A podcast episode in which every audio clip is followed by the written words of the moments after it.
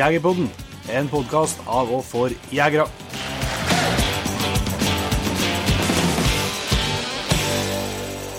Hjertelig velkommen til en helt ny episode av Jegerpodden. Og påska, Jon Ingevik, den er ferdig? Den er over, så nå er det på'n igjen, og det er, er noe veldig godt. Yes, det, kjennes, det, er jo det er godt med vekka pause, skulle jeg tro, men eh, det går ikke mange dager, altså, så kommer savnet etter å lage podkast. Ja, det, det er det som sagt, det er godt å koble av og så er det en gleder seg til noe i vekka her nå. Vi har to innspillinger, og det, det er en kjempestart. Yes.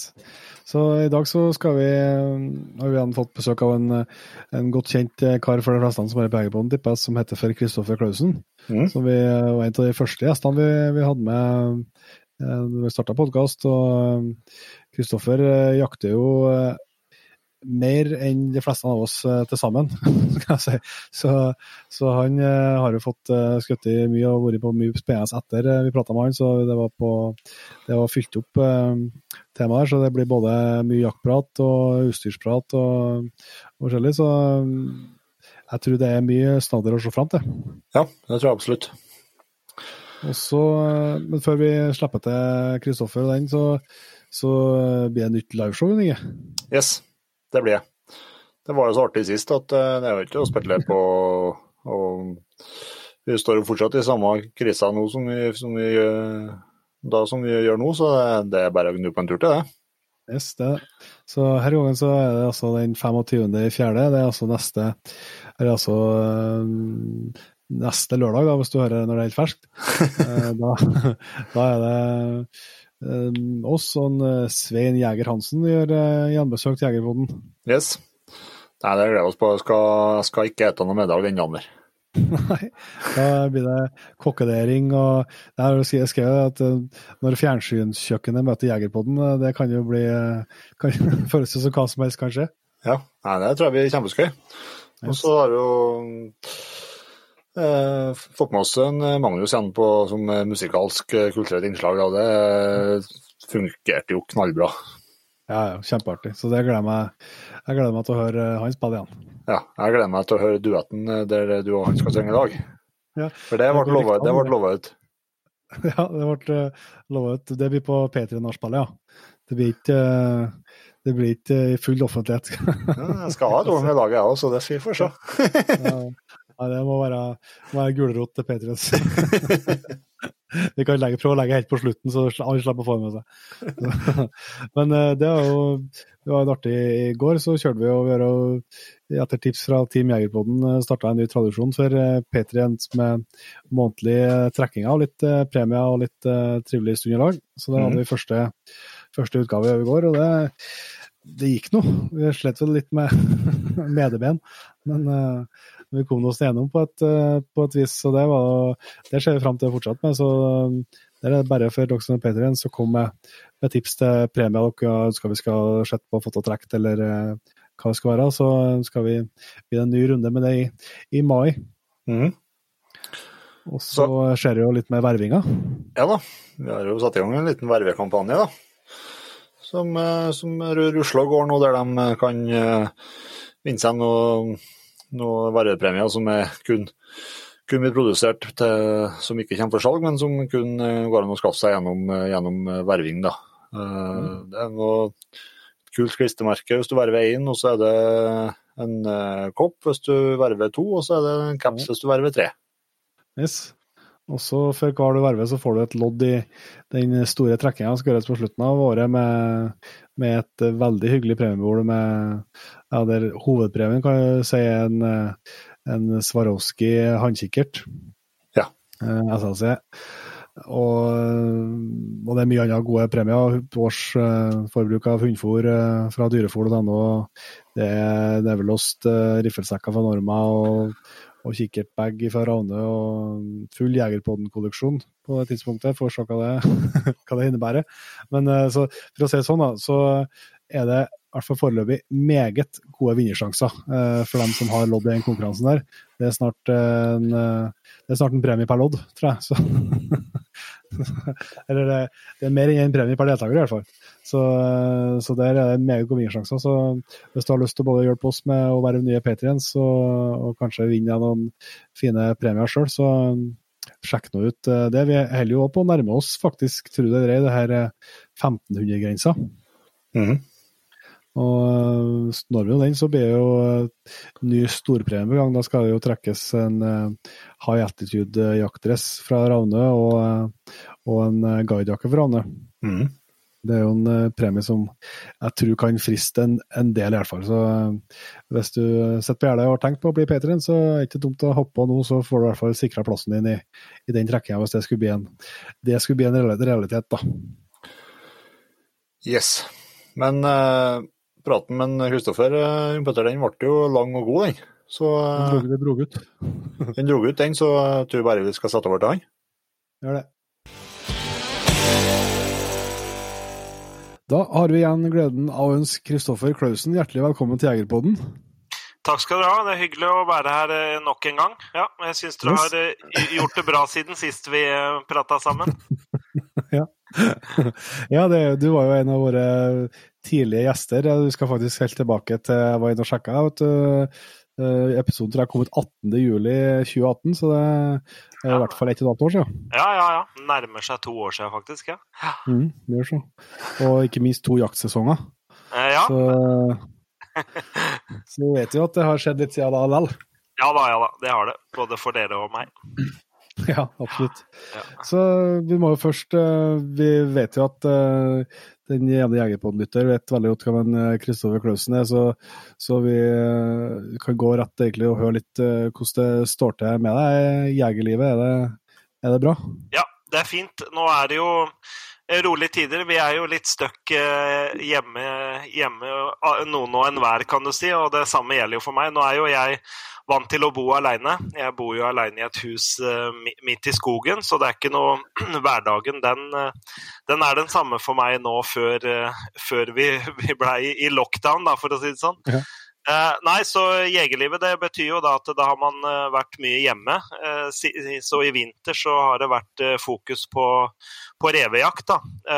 ellers så vil jeg si at jegerlivet det er som det har vært de ti siste åra. Jeg prøver å jakte så mye som mulig, da. For det er jo det, det, er jo det jeg liker best, kan du si. Så jeg, jeg, er veldig god til å prioritere bort andre ting, og jakta går på en måte foran. Så, ja, så sånn, jeg bare innser at sånn har livet mitt blitt, da. Ja, Men du er ikke helt eh, du, skulle egentlig vært i Afrika, hva er det du sa? Ja, det er sant. Jeg, jeg, det har jo fått noen noe, konsekvenser, den der eh, epidemien som går nå. Jeg skulle reist til Afrika 1.4 og vært der i sju uker. Det hadde jeg sett veldig fram til, men jeg har jo vært der veldig mye. og og skal dit igjen. Sånn at om jeg må mm. stå over et år der, så går det veldig bra. Så, så hvis, eh, hvis, mm. ting er i gang igjen, så, ja. så, planlegger vi å dra til neste vinter igjen, da. Ja. Så det er jo faktisk en kjempemulighet det her til å få brukt mer tid eh, hjemme i Norge. Og da er vi rimelig heldige, vi som, som bor her og er glad i jakt og friluftsliv. Så har vi jo eh, rimelig rå muligheter.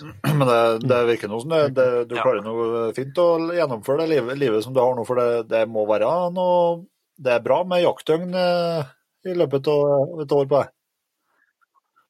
Ja, ja da, ja da. Nei, det blir mange, det. Altså, det, er jo, det er jo så enkelt som at mm. det, det, er jo det jeg liker aller mest å drive med. ikke sant? Så det føles jo ikke vanskelig. Man har jo selvfølgelig dager som er uh, tyngre, holdt jeg på å si, hvor ikke alt går som planlagt osv. Men det gjelder jo alt og alle. Så nei. Så jeg, jeg trives veldig med det her. Altså, det er jo, jeg har på en måte prioritert den livsstilen her, og da mm da har det, ja, det har blitt sånn. Og, jeg stor, stortrives med det. Altså, så er jeg veldig heldig at det nå som, som, vi har denne epidemien som har konsekvenser for mange, så, så har det påvirka meg i veldig liten grad, annet enn at jeg får reise utenlands mm. litt mindre, og det syns jeg egentlig er helt fint. Fordi at eh, jeg, jeg, har mange år tenkt at nå skal jeg kutte ned på reisinga, og så skal jeg være hjemme i Norge, men så greier jeg det ikke. Men nå blir man jo tvinga til det, og da kjenner jeg at det er, det er helt topp, egentlig. Men jeg skal, skal ikke bli for eh, skal ikke, Vi skal ikke starte podkasten her nå med å bli for eh, følelsesmessig og emosjonell, men kjenner du noen gang at, at, at, du, at du savner noen gang det her kanskje standard A4-livet med, med kjerring og unger og sånn som, eh, som kanskje er andre muligheten? Ja, jeg får jo det spørsmålet av og til. Altså, jeg, så det å, det å, prate om det, det, det syns jeg er helt greit. Nei, jeg, jeg må innrømme at det, det, savner jeg i veldig liten grad. Altså, for jeg, jeg, har vært heldig og hatt noen kjempebra kjærester opp igjennom. Eh, siste kjæresten min nå var jo Anette Dahl. Hun har vel dere hatt eh, besøk av opptil flere ganger, har dere ikke det? Jo, jo. Ja, Helt tipp topp jente, og, og vi hadde det bra, det. Men så er det jo noen år siden at jeg var sammen med hun nå. og det, Vi er jo litt sånn vanedyr. Og så er det litt skummelt òg, for jo mer jeg er alene, jo mer trives man jo med det. ikke sant? Så jeg blir, jeg blir nok verre og verre å ha med å gjøre for, for et kvinnemenneske jo, jo, eldre jeg blir, for å si det sånn.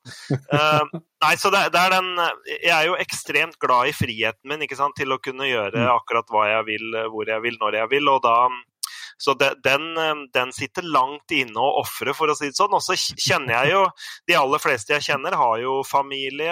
ja, Noen har jo barn og, og holdt jeg på å si det ene med det andre. Og jeg ser jo hvor begrensa dem er eh, i, i, forhold til det livet jeg lever. Da. Så jeg, jeg, kjenner, jeg, jeg er faktisk ikke misunnelig på det, altså. Nei, eh, det, det, ja, det er jeg ikke. Men, men vi, vi, er forskjellige, altså. Det er jammen bra, det. Ja, ja, det er ikke noe som er noe som ligger an. Det er jo artig, og, artig med folk som uh, Man må jo gjøre det som er rett for seg sjøl, samme hva det er. Ja. Og når det gjelder eh, damespørsmålet, da, så, så, har jeg jo nå bikka 40 år. Jeg er jo den verste sort menneske som fins på jord, egentlig. Fordi jeg er en mann, og jeg er hvit, og jeg er over 40 eh, år og halvfeit. Og det er omtrent det aller verste du kan være. Og, og det, bare å si det at jeg, jeg er ikke 20 år lenger, så jeg ville hvilken dag som helst hele året alltid valgt å jakte framfor uh, damestyr. Så sånn har det bare blitt, altså. og så ærlig, ærlighet òg, det, det, det liker vi godt. ja, og så er det, det, er så, det er så ukomplisert og fint, ikke sant. Så det, ja. Men hvordan har du ikke du har, Nå har du jo du har kutta helt ut på forpliktelsene. Fortsatt ikke noe kjempe når vi prata sist. Eh, så hadde du, eh, hadde du ikke noe hund lenger. Er det fortsatt eh, tilfellet der? Ja, det stemmer. Jeg har ikke hatt noe hund siden sist, og det er noen stund siden. Jeg, jeg fikk faktisk nylig spørsmål om jeg savna det òg, mm. men det, det, gjør jeg ikke. For det, det, det er litt det der jeg snakka om det med friheten og sånn, at, mm. at det, det, har jeg på en måte vent meg til å bare kunne hive meg rundt helt uten å tenke på at du har en hund hjem eller noe sånt. Da, som, eh, så, så det, det, savner jeg ikke. Nå er jeg veldig heldig å kjenne mye folk med, med bra bikkjer og få være med og jakte med mye bra hunder i løpet av en sesong. det, mm. ja, selv om ikke jeg har hunden sjøl, så Nei, jeg savner faktisk ikke å ha hund. Nei. Men hvis du ikke har hatt muligheten til å låne så mye, så hadde jeg skjøtt alle så Ja, det, det, kan hende. Det kan hende. Og så må jeg bare inn, innse det at jeg er på en måte en, mm. en, ensom ulv og trives med det. ikke sant? Jeg er, mm. Eh, jeg er solitary, som det heter eh, på engelsk. da. Ja, jeg, jeg, jeg trives uh, ensom, egentlig. Mm. Ja. Veldig bra. Men uh, vi skal jo, vi har masse greier vi må prate om, Kristoffer, så vi får bare uh, starte på. her. Vi Eh, du jakter jo eh, du jakter jo det aller aller meste som det er mulig å, å jakte på. og som sagt så har Det snart det har gått to jaktsesonger siden vi pratet i lag sist, så ja. du vet jo at uh, det har skjedd mye og del, så det skal vi innom. Men uh, har du med så mye jaktdager, går det bare i surr, eller har du liksom noen mulighet til å trekke fram noen høydepunkter, eller? Eh, ja, det, det, er, det, er, nesten litt vanskelig, faktisk. Og, og det er som du sier, vi, vi har drevet og jakta mye rev nå, bare som et eksempel. ikke sant? Og så, og så mm. skal vi prøve å, å huske tilbake revesituasjonene våre fra de tre siste dagene. ikke sant? Og så, og så går de sur. Så vi, vi, er på en måte har sånn eh, dårlig hukommelse på mye av det her. Og, og jeg har dessverre aldri skrevet ned uh, det jeg driver med. Altså, hadde det ikke vært for at, um, at jeg filmer og dokumenterer alt, det er jeg faktisk ekstremt glad for. For det hjelper meg jo å huske veldig mange av disse situasjonene. Jeg har sittet og gått gjennom gammelt filmmateriale og sett at um, Oi, øh, ikke sant? At du da dukker opp i en filmklipp fra opplevelser du faktisk har glemt. Da. Så hadde det ikke vært for de filmklippa, så hadde du aldri fått uh, gjenopplevd det. Da. Men uh, høydepunkter er det jo mange av, altså. Det, det er ikke noe tvil om det. Um, og tilbake til det der med, med, at vi er heldige som har Norge og, og, og de jaktmulighetene vi har her nå. Så uh, elgjakt med løshund i nordisk villmark, kan du si, det, det er jo noe som Mm. Det, det, gir alltid sterke inntrykk. Da. Det, det, er mm. høydepunkt hvert år, kan du si, enten det er i Norge eller Sverige. Men den, eh, den hundejakta vi har her i, i Norden, eh, løshundjakt på elg f.eks., den er jo unik i verdenssammenheng. Og det er, det er, helt rått å kunne få være med på. Ja. Mm. Jeg har merka oss det vi snakka med Jørn Petter òg, at vi, det ser ut som du har begynt å som du har begynt å prioritere det mer og mer, for det har kommet mye bra filmer av det siste, siste årene. Eh, ja, ja, nei, det, elgjakt er jo noe jeg alltid har lyst til å prioritere. og Noen sesonger så, så, går det bra og ting klaffer, og andre sesonger så går det helt skeis. Jeg kan jo gi et eksempel. han Odd Ivar Rønningsgrind har dere sikkert hørt om. Mm. En ivrig, ivrig hundekar fra Budalen i, i Midtre Gaurdal. Han har hatt my, mye gode jakthunder. og Han var jeg med en sesong i fem eller seks dager og filma, og da fikk vi fem eller seks fellinger. Uh, og det, det, det, var liksom eh, du, du, kan ikke bare gå ut i, i, elgskogen og tro at du skal få en felling på film i løpet av en dag, kan du si. Men, men da klaffa det veldig. Og året etter så skulle vi gjenta det. Da, da var jeg der i én uke, sju hele dager, og vi var ute fra morgen til kveld og vi fikk ikke én uh, elgfelling på film. Så da, da klaffa det liksom ingenting. Uh, og da var det jo typisk det at til slutt så sa jeg at nå må jeg bare reise. Og dagen etter at jeg dro, da skulle jo selvfølgelig Odd Ivar og kompisen snutjakte. Da skjøt de en elgkalv i los og en hjortebukk i los, selvfølgelig den dagen jeg dro. Så da var det litt sånn at eh, da måtte jeg faktisk dra for at de skulle få noe dyr i det hele tatt. For eh, da, da tror jeg jeg hadde med litt sånn der dårlig, dårlig eh, lykke. Ja.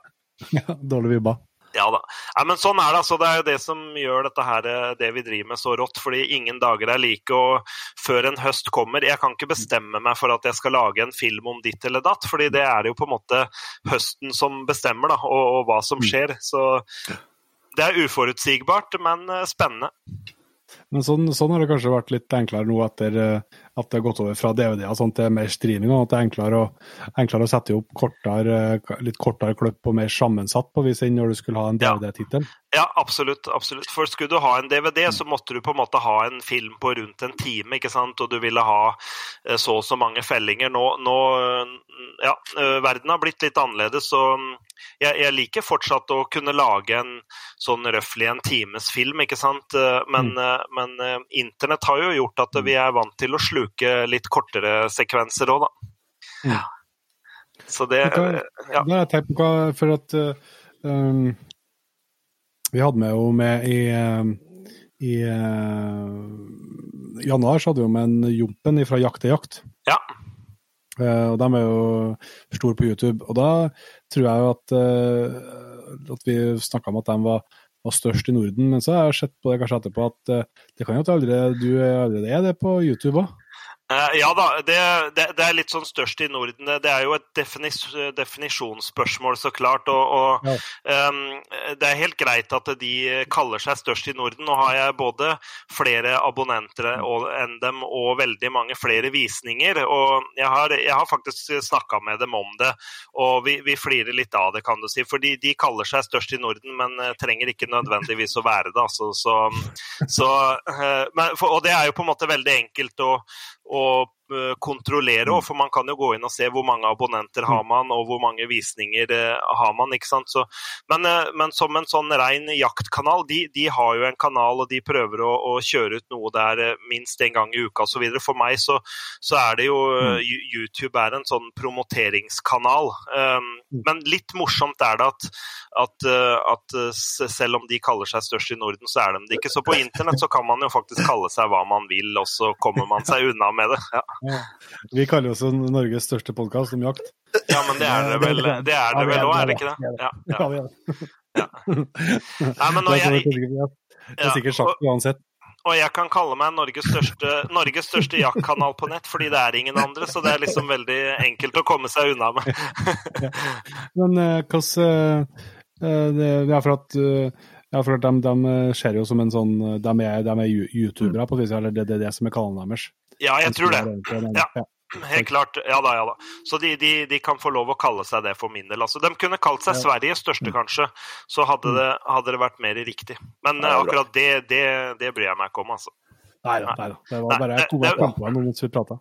Ja, De er trivelige karer, og vi er, vi er så få som driver med dette her. og du kan si vi, Det er my, mye bedre at vi er eh, hyggelige kollegaer og har et godt forhold, enn at vi driver og ja.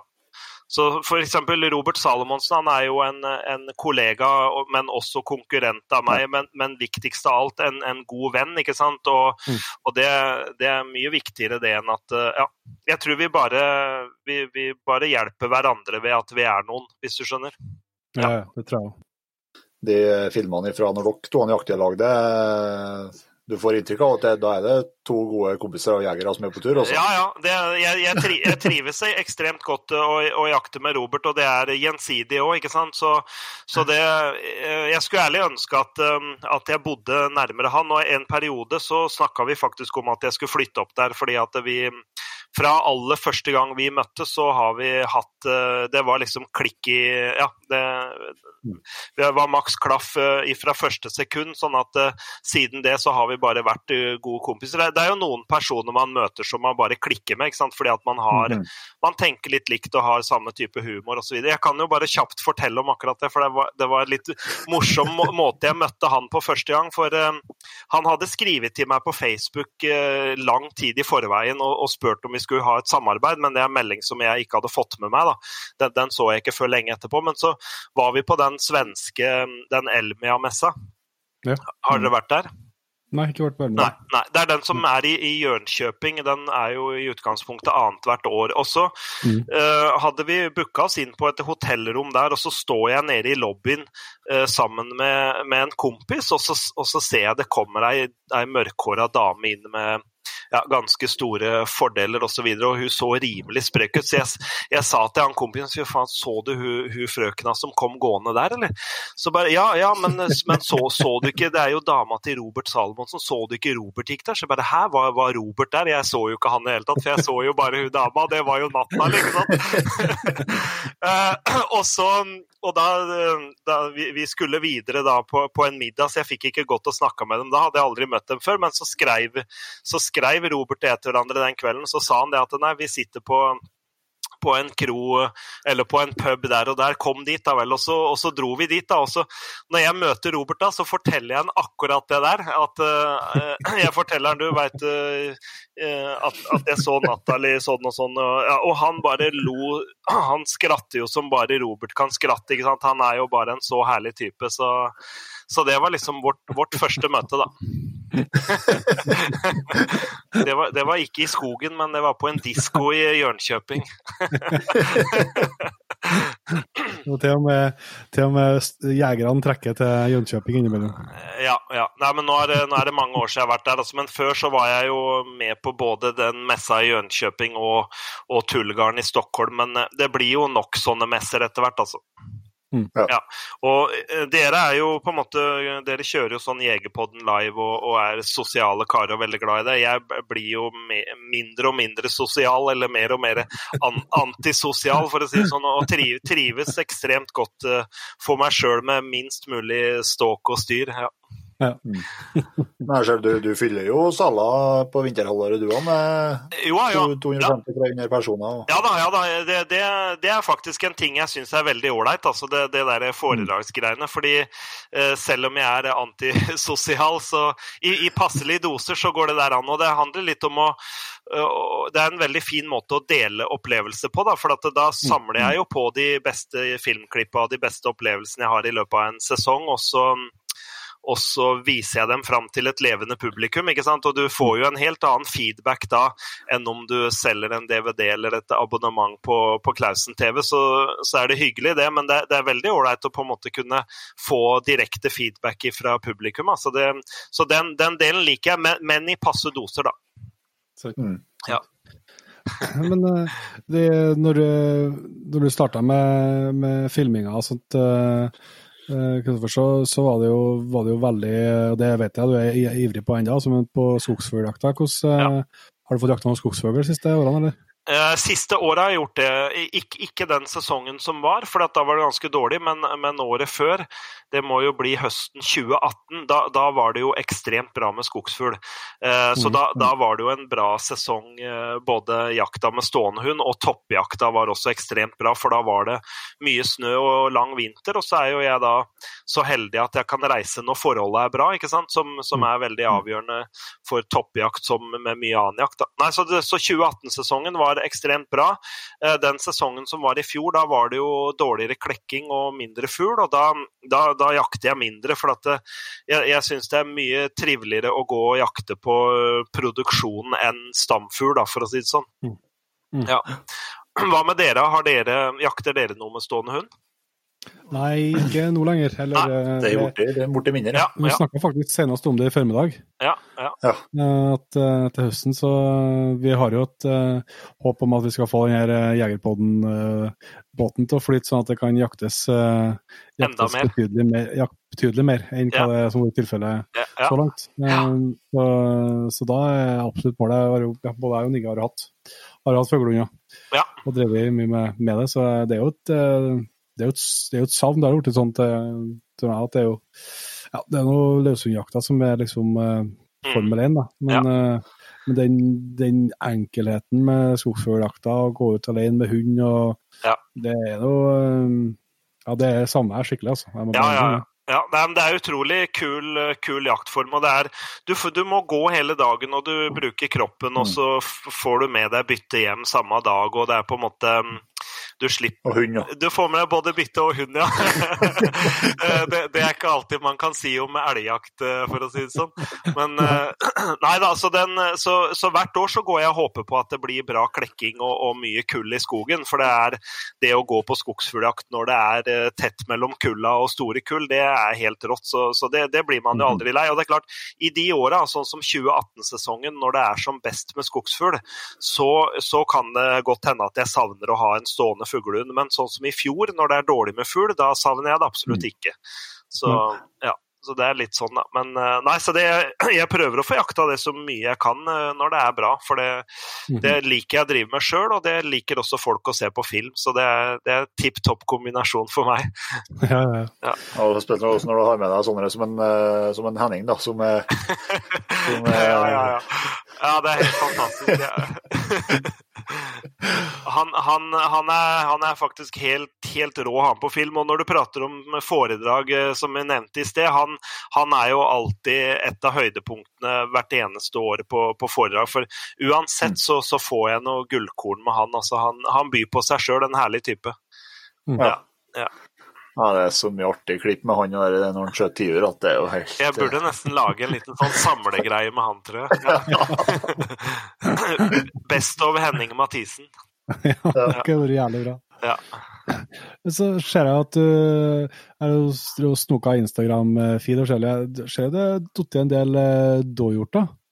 Ja, det, det er jo aldri noe jeg har jakta mye eh, dågjort, altså. Men, eh, men så ble jeg invitert med til, eh, til Ungarn eh, på en sånn eh, det ble troféjakt, uh, bokstavelig talt. da, eh, på, på, på vinterjakt. Men da, da var det ikke brunst, men da fikk jeg på en måte se områdene og se hvor mye dyr det var. Og, og, ja, og det, det er fascinerende og rådyr, og så da bestemte jeg meg for at jeg skal tilbake hit i brunsten. Um, og det gjorde vi da sist høst, så jeg har aldri jakta mye dåhjort. Jeg har faktisk aldri hørt eh, sånn dåhjortraping heller før, eh, før jeg var i Ungarn i fjor, men det var helt magisk, for å si det sånn. Jeg sitter og ser på, på tre dåhjortgevirer som ligger på, på stuegulvet her nå. Jeg ta, vet ikke om dere ser det der, jeg. Kjære venn.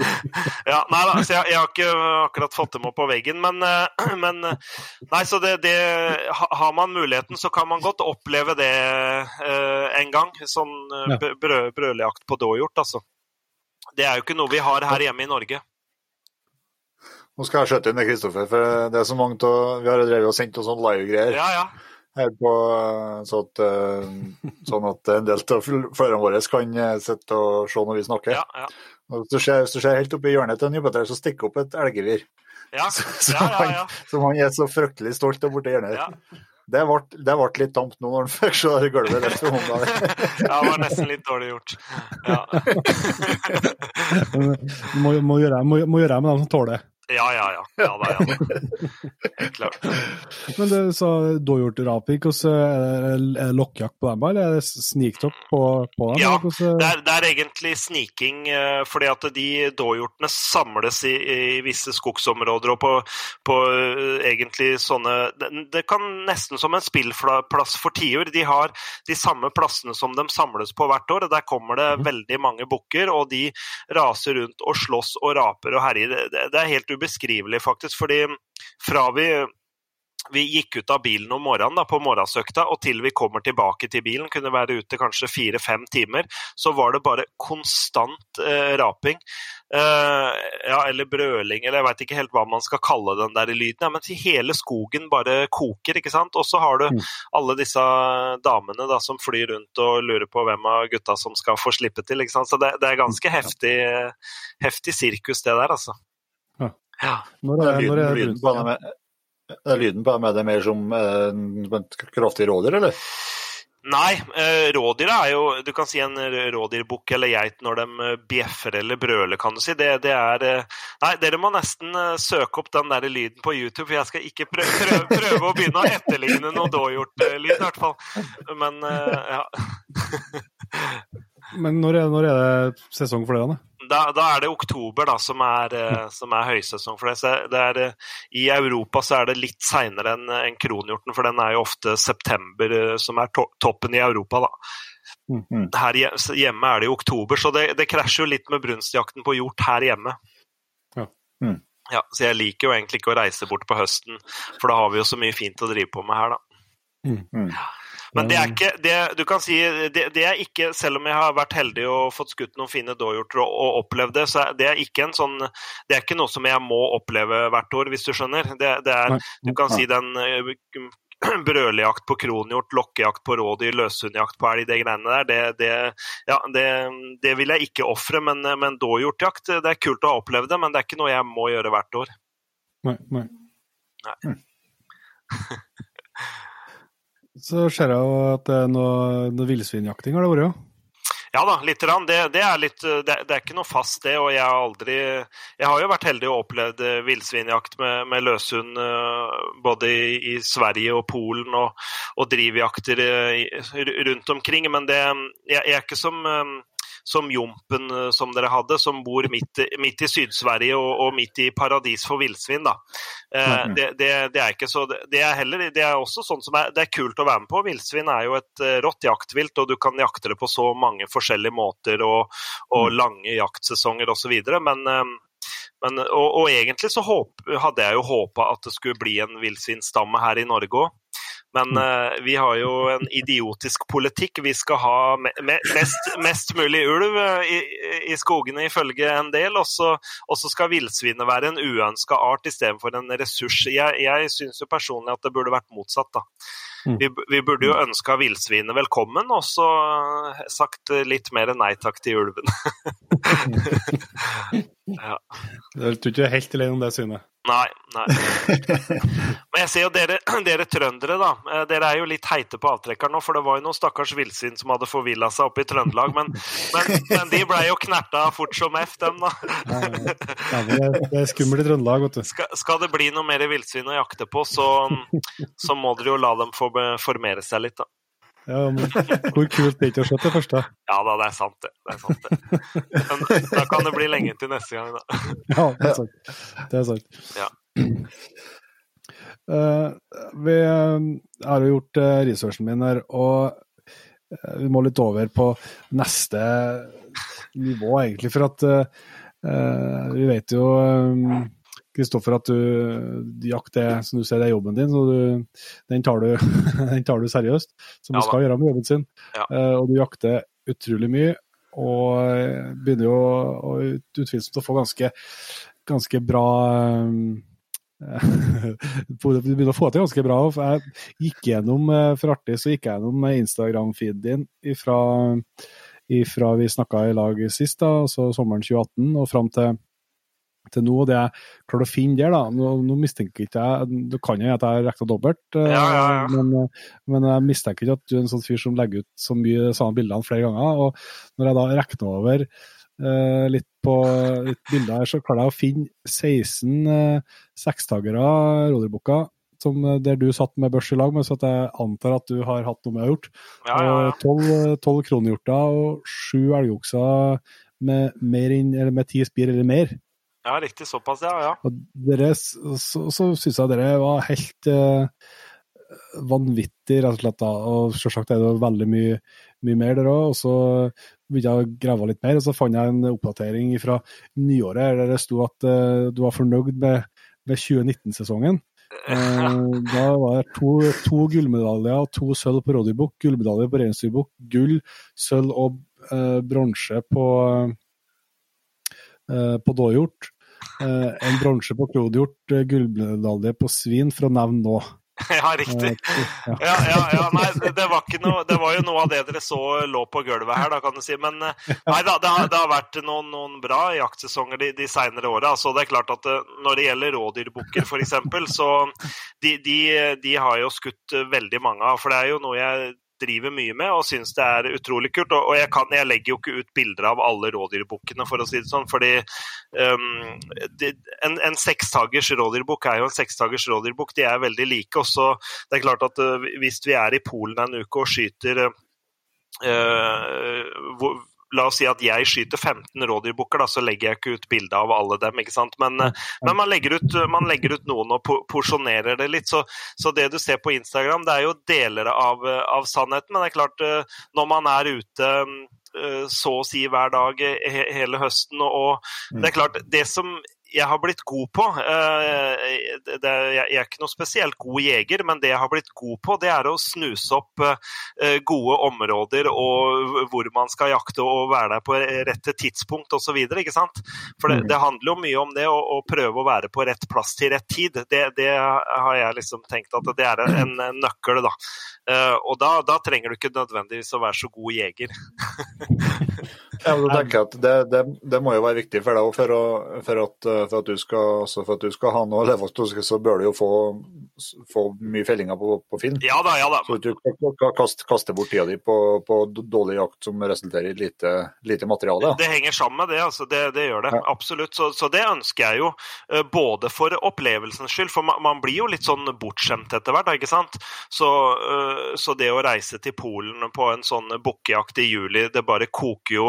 Eh, Det, er ikke på en måte spørsmål om du får eh, bukker, det er jo hvor mange har dem på kvota, så hvor mange har vi muligheten til å skyte. ikke sant? Det er, det er jo der, der det ligger. og jeg, vet, jeg, har, jeg har jo alltid med meg noen kompiser. og de kan tenke på forhånd at de har lyst til å skyte fem bukker, men jeg veit åssen det er. De, de reiser jo ikke hjem derfra uten å ha skutt ti, ikke sant? for det, det, det koker jo litt over når man først er der nede. Eh, Så, nei da, og da, da får vi masse, masse opplevelser, masse situasjoner og, og, og masse på film, så det er helt uh, tipp topp. Men Ja. eh, du sa at du har blitt bra på å snuse opp eh, god jakt, men hvordan, eh, hvordan jobber du? For å liksom, hvordan, eh, hvordan finner du, hvordan finner du områdene og terrengene? Ja, nei, det, det kan være litt tilfeldig, sånn som det, det Polen-greiene som er et eksempel. Det, der, der var jeg invitert med uh, for mange herrens år siden, og så- så- også det, det var helt topp, for å si det sånn. Um, Mm. Og der har jeg bare reist tilbake og tilbake og tilbake, for da jeg veit hva jeg får. Og jeg veit hva jeg går til. Ingen overraskelse. Man blir kjent med guidene. Og jo mer du jakter sammen med guider, jo mer stoler dem på deg, og jo mer frihet får du. Vi, vi nordmenn er jo veldig glad i frihet. ikke sant?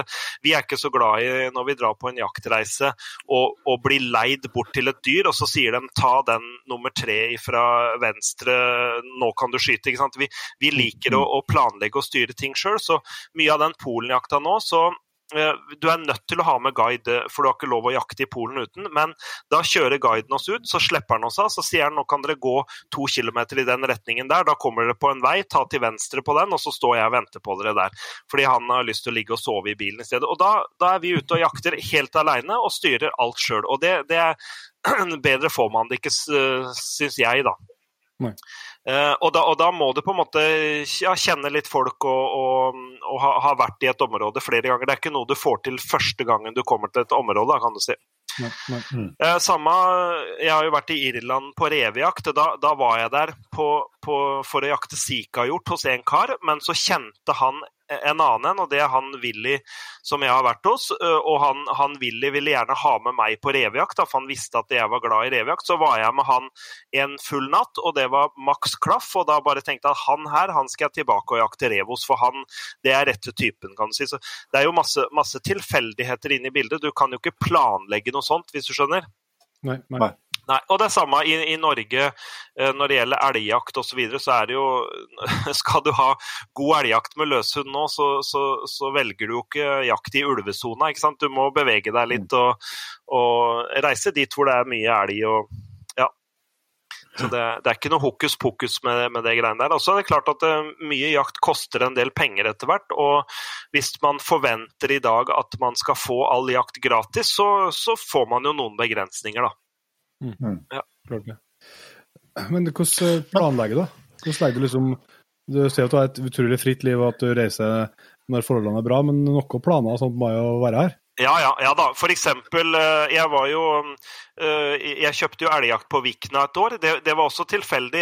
Jeg, var der og hadde foredrag. eh, Jeg var leid inn for å holde foredrag der, og så kjente jeg da en kar som, som var på Vikna. Så jeg hadde vært inn, ja, Han bodde på Vikna, han hadde invitert meg på rådyrjakt. Og så når jeg sto på foredraget den kvelden, så sa jeg det at eh, Vi hadde jo sett det var mye elg der og sånn, så sa jeg at jeg er interessert i elgjakt her. Så hvis det er, noen i salen som har eh, elgjakt å, å tilby, så kan dere bare komme og prate med meg. Og så, og så ordna vi det sånn. Men da, det var jo da gjennom et selskap som heter Viknajakt, som er åpent for alle. Og der er ei webside, og hvem som helst kan ringe dit og jakte her. Så det var ikke noe sånn spesialordning eller noe som helst. Det gikk gjennom he helt vanlig jakting. og da det, det er klart at da, da, klaffer det jo ganske mye når, når, jeg er der den sesongen. ikke sant? Så, men da, da, er det jo helt fastsatte datoer som man, man forholder seg til. Da, for de skulle, grunneiere skulle jakte sjøl første uka, så fra den og den datoen, jeg tror det var 14. oktober, så kunne vi jakte ei uke osv. Så, videre,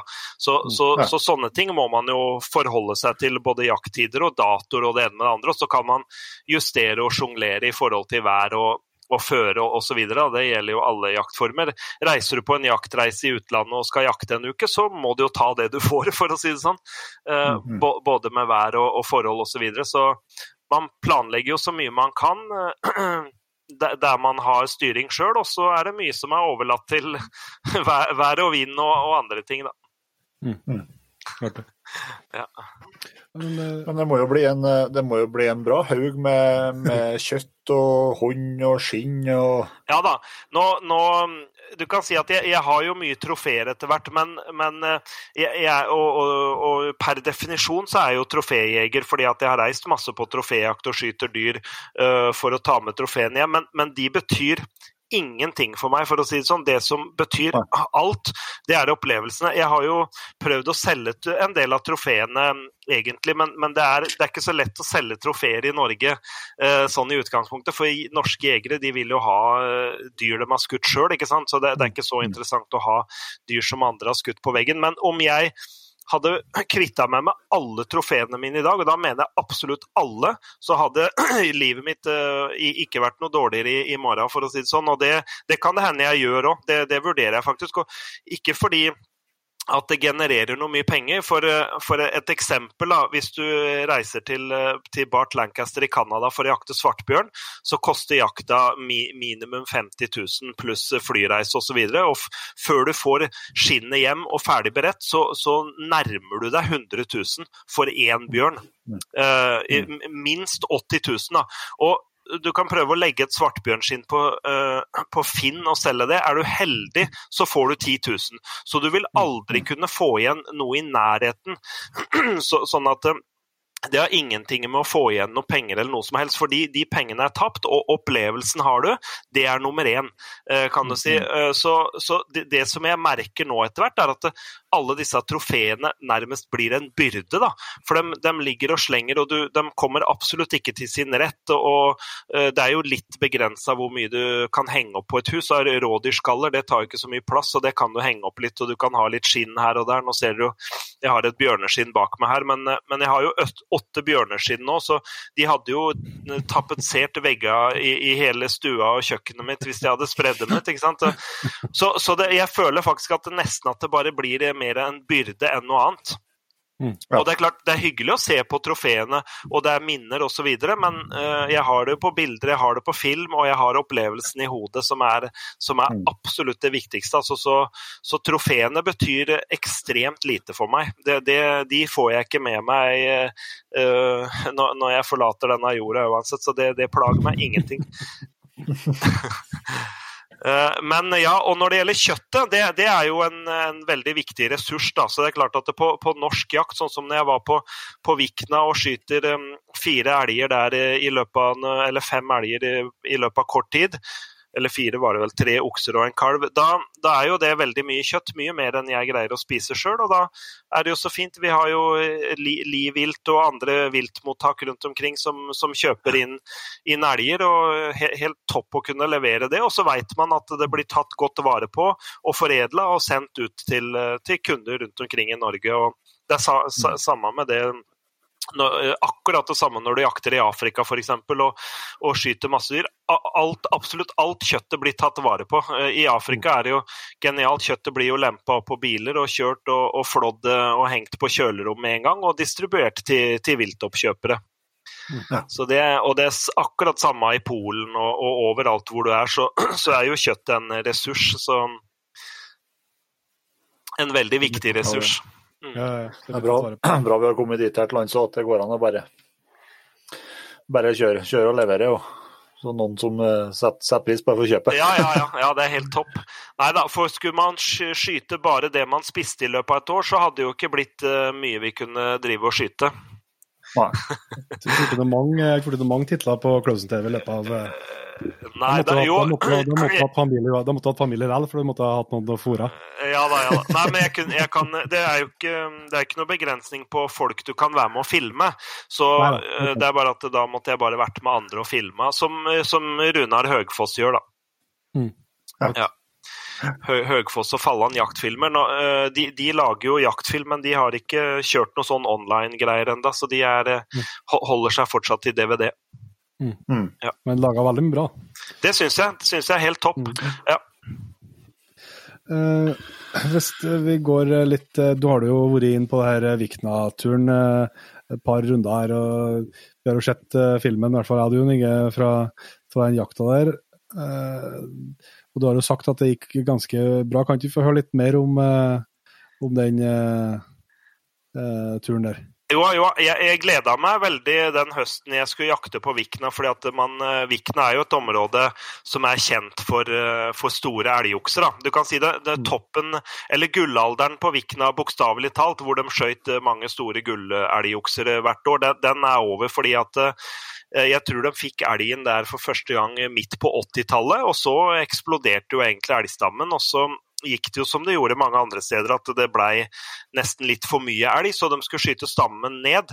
Men i alle de åra hvor du har en vekst. Da. Du kan si at så lenge elgstammen vokser, eh, så betyr det at avskytinga er mindre enn tilveksten. Og det er det samme som at da går snittalderen på elgene også opp. ikke sant? Så mm. alle, alle viltstammer som vokser, eh, så får du en økende snittalder. og Det betyr også at du får en stor andel med, med eldre både okser og kuer, da, som er bra for mm, mm. bestanden. ikke sant? Og da, da hadde de jo eh, en veldig stor andel med, med gamle, eller ikke gamle, men men, godt voksne og kapitale elgokser. Også i det øyeblikket du skal skyte stammen ned, så skyter du jo mer enn tilveksten, og da synker snittalderen med en gang. Og da får du også mindre, mindre okser, kan du si, fordi alderen blir, blir Det blir yngre elger, rett og slett. Da.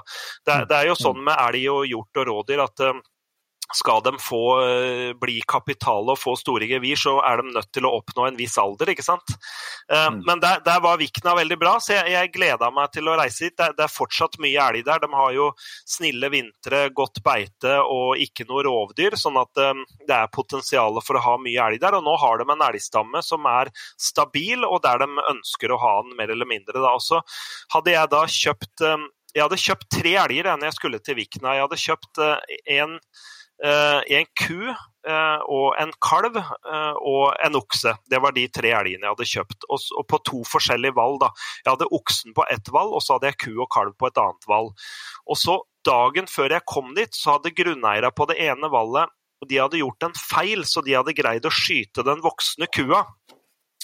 Eh, så da hadde ikke jeg noen voksen ku å jakte på der, så da sa de da kan du få skyte enten kvige eller voksen okse.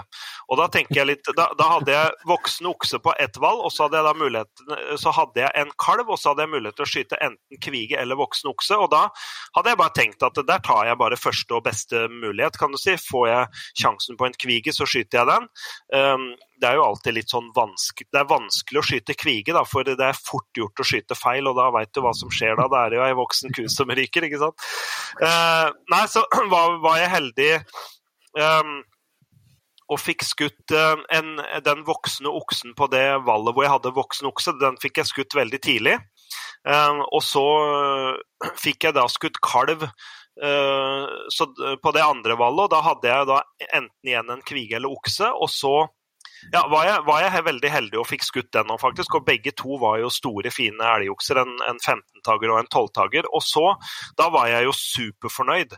Men mens jeg var der, så fikk de tilleggskvote eh, på disse terrengene. Og da fikk begge valla okse.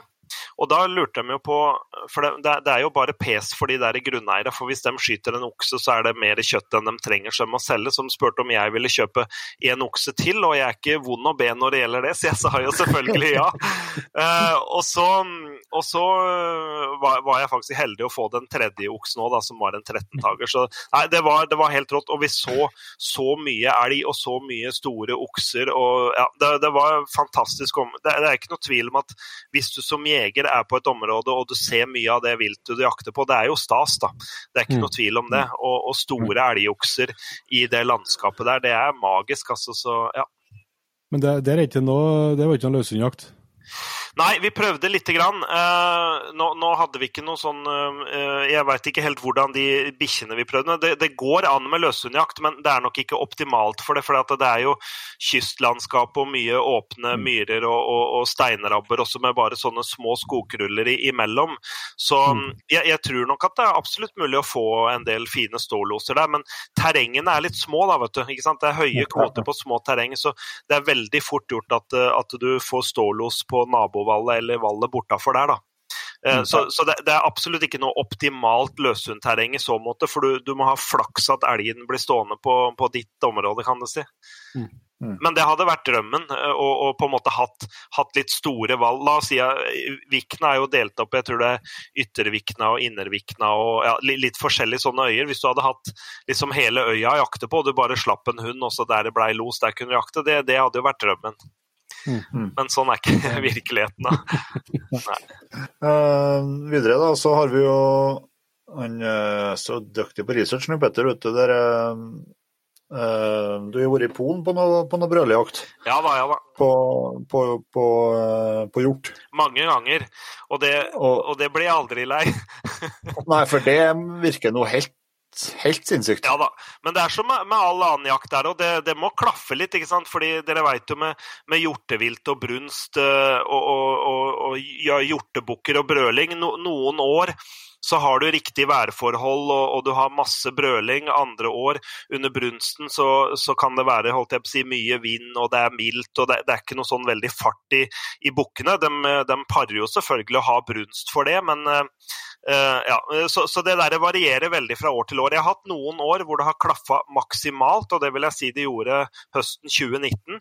Da, da var, det mm. liksom, da var vi midt i smørøyet når det kokte, og, da, og det, det blir ikke det, det, er noe av den råeste jakta, det der med, med brølende kronhjorter som brøler hele dagen. og Det er, mm. det er, det er på en måte kombinasjonen av de, de der majestetiske rå dyra der med den lyden, kan du si. Mm. Det, det, må bare oppleves eh, for å på en måte skjønne det. Så det, det, ja, vi, det, er jo mye av det rundt omkring i Norge, men der hvor det er hardt jaktpress, så brøler de jo stort sett bare om natta. Så, så fort det mm. lysner om morgenen, så blir det stille. Men er du på et område hvor det er eh, en god bestand og ikke så høyt jaktpress, så brøler de jo like mye midt på dagen som de gjør eh, på natta. ikke sant? Mm. Så, det er, så det, er en av de tinga jeg håper nå med den epidemien vi har at, at, ting åpner opp igjen til, til, september. fordi at jeg har booka inn en ny tur da til, til, samme område som jeg var nå i september. og Det, det blir litt, litt, kjipt hvis man ikke får oppleve det. da. Mm. Så ser det jo, det ser jo litt heftig ut. for at, uh, ut fra det jeg ser på filmene, så er det jo ganske kjett skog. Så du, du må liksom du må ned, da. Ja da, man, man, man, man, må nære. Det er noe eh, helt annerledes enn Skottland, eh, hvor, hvor, mm, hvor, du, ja, ja. hvor du, har hjortebukker i helt åpent fjellterreng. Så, så, det der når du kommer så tett på dem, det er, det er heftig, altså. Ja. Mm. Nå er nok ofte skogen litt mer åpen enn det man ser på film.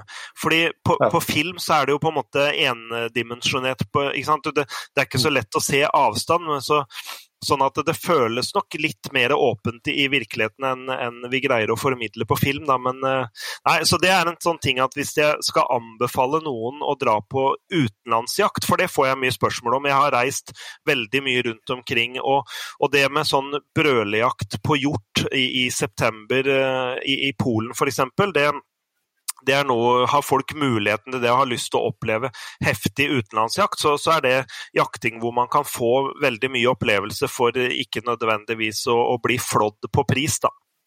Nei.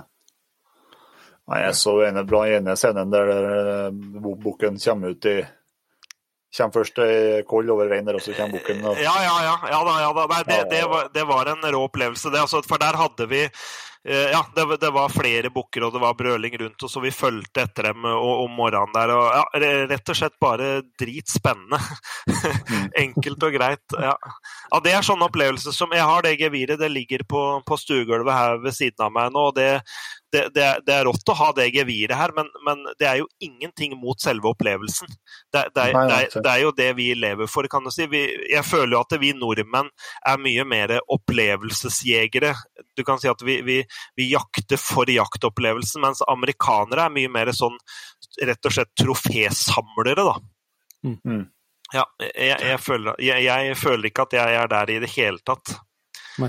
Nei. Ja, det skjønner jeg. Ja. Men eh, det, det jeg tenkte på scenen der, jeg er helt enig med at den er, helt, eh, helt rå. Noe som jeg tenkt på, tenkt på flere ganger med noen av de scenene der, det er jo dette når der beistet kommer ut der, da, eh, og dere har surra all jakta og holdt på med den der, og så du, du, ligger, ligger trådkorset der det skal ligge, og likevel så snur du deg og spør om uh, kameramannen har det på, på film. ja, han, han, er litt morsom. Jeg har vist den der på foredrag, og folk, folk ler litt da. For at uh, jeg, jeg, er ganske heit sjøl, skjønner du, når, når, det blir sånne jaktsituasjoner. Jeg, jeg, jeg er heit i toppen, men, men, det der var på slutten av uka, og liksom fordi de første dagene når du drar på en sånn tur, så er det jo du er litt sånn blodtørstig, og du har lyst til å få noe i bakken. ikke sant? Så da, da er det ikke alltid at jeg, at jeg nødvendigvis uh, tar meg tida til å spørre, men der var det Her tenkte jeg nå, nå skal vi søren meg ha det bra på film før jeg skyter. Så nei, jeg, jeg er litt eh, jeg, jeg, er, eh, jeg, er, kanskje litt mer tålmodig enn vanlig akkurat der. Men jeg skal love, meg, jeg skal love deg at jeg, snur meg ikke. Jeg har den i korset, og så, og så, sier jeg bare 'har du den?' Og så svarer han ja. Da er det bare Han rekker ikke å bli ferdig med ja før, eh, før det smeller, for å si det sånn. jeg har tenkt på liksom, det, det, er ikke sånn at du sliter med det de gangene det ikke er med kamera. At du står og venter på, venter på eh, nei, nei da, nei da. Nei. Men det er ingen, ingen situasjoner som er like. Altså, men jeg ser jo Jeg har jo jakta mye med, med Robert Salomonsen, og han, han, han, og jeg er ganske like der. Vi, vi, er rimelig heite, skjønner du, selv om vi har drevet mye med dette. Sånn, det, det, er nok et eller annet som, som ligger i blodet, og det, det er jo derfor vi, vi, vi, digger dette her. Eh, at eh, ja, mange jegere er som oss. Altså, vi, mm. vi får ikke nok. Nei. Ja, det er. Med samme navn enn Robert er noe det, det, var, det var noen filmer som kom ut her i, her i høst, og dere har leid et terreng i lag? Ja. Altså i Sverige? Ja, vi, vi jakta Ja, jeg var, var, heldig å få en, en rå jaktuke med Robert på elg eh, høsten som var nå, da, kan du si. Ja. Eh, Seinhøsten, for det var jo det var snø på bakken og helt, helt rå forhold. Vi fikk liksom sånn eh, nysnø annenhver dag og perfekte sporingsforhold, og han har knallbra hunder for den jakta. Så hvis du tenker deg sånn jaktprøvemessig eh, løshundjakt hvor du skal skyte når det står i panser, stålås osv., så, videre, så, så så var det jo ikke sånn den jakta foregår. Det er jo at vi, vi at eh, bikkjene kommer i, i, ganglos, eller springlos eh, kan, det også kalles iblant. da. Jeg tror, jeg, tror, jeg tror, Robert stort sett kaller det for sakta, sakta, sakta gangstong. Ja, det er, ikke, det, er ikke, det er, ikke, alltid det går så sakte, kan du si. Nei, det, det, gjelder å henge med i svinga da. Nei da, men det, er ofte en veldig spennende jaktform. da. Og du, du ser på, du står med peil, det, det jeg kaller GPS-jakt. ikke sant? For du, du, står og du ser på peilen at uh, nå er det i bevegelse, og da må man prøve å komme seg foran. ikke sant? Mm. Så det, kan ofte, og, og veldig ofte, så, så, lurer jo elgen deg i siste sekund, da. Mm.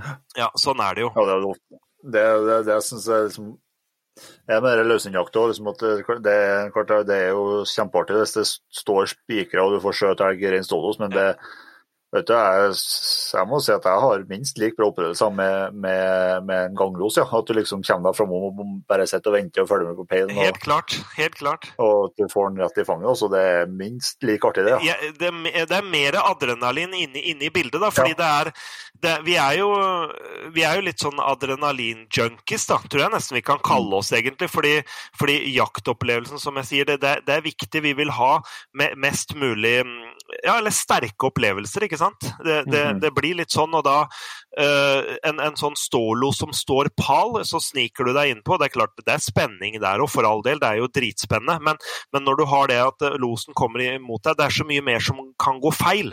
Og da, da får du høyere spenningsnivå med en gang, da. Mm. Ja. Og veldig, veldig, ofte så har det jo gått feil et par runder før, ja. Ja, det er akkurat det. det, er akkurat det.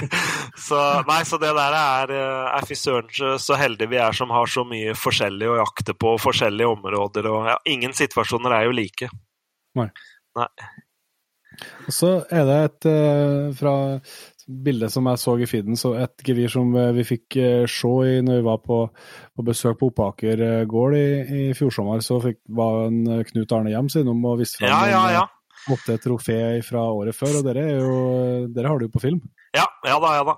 Det er, eh, det er, sånn som det er bare Av og til så er jo jakt sånn at ting skjer fort og gærent, og så er det over eh, nesten før du har skjønt hva som har skjedd. Akkurat den morgenen der så hadde vi vært eh, ute og lokka ja, en, en, hel del poster, en fire-fem poster, tror jeg, og vi hadde lokka inn en bukk midt inne i skogen. Da satt vi på en sånn fururabbe på et område han hadde hatt viltkameraer og, og, visste at han hadde en bukk i nærheten, og vi hadde lokka, og den kom Eh, inn fra feil vinkel. Det var én plass han ikke kunne komme på den posten, og der kom jo selvfølgelig bukken og, og, lurte oss. da.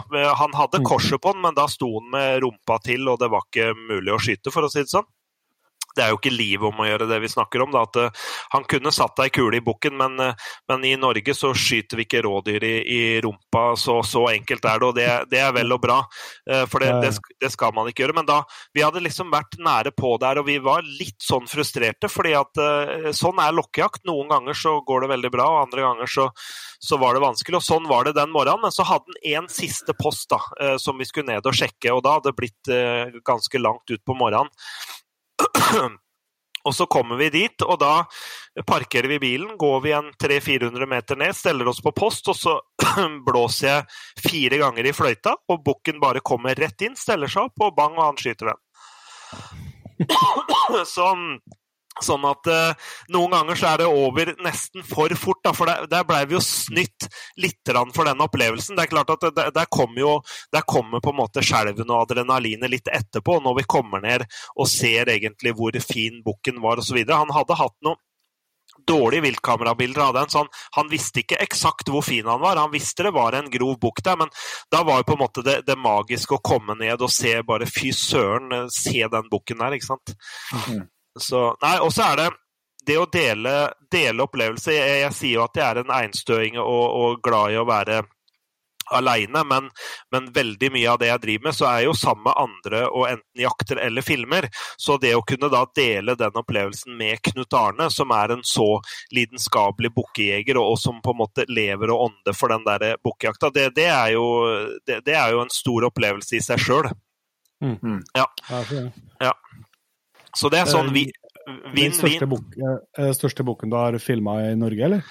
Eh, ja, det er i hvert fall en av de største. Det, det er det. det, er det. Sånn, eh, han, han, eh, han, var nok Han ser større ut enn han er, for dette har jo mest med vekt å gjøre. Vi trodde jo da at det der skulle være en sånn 150-poenger, men det var det ikke. Altså, det, det var en god gull, men, men han han var på 30-tallet, kan du si.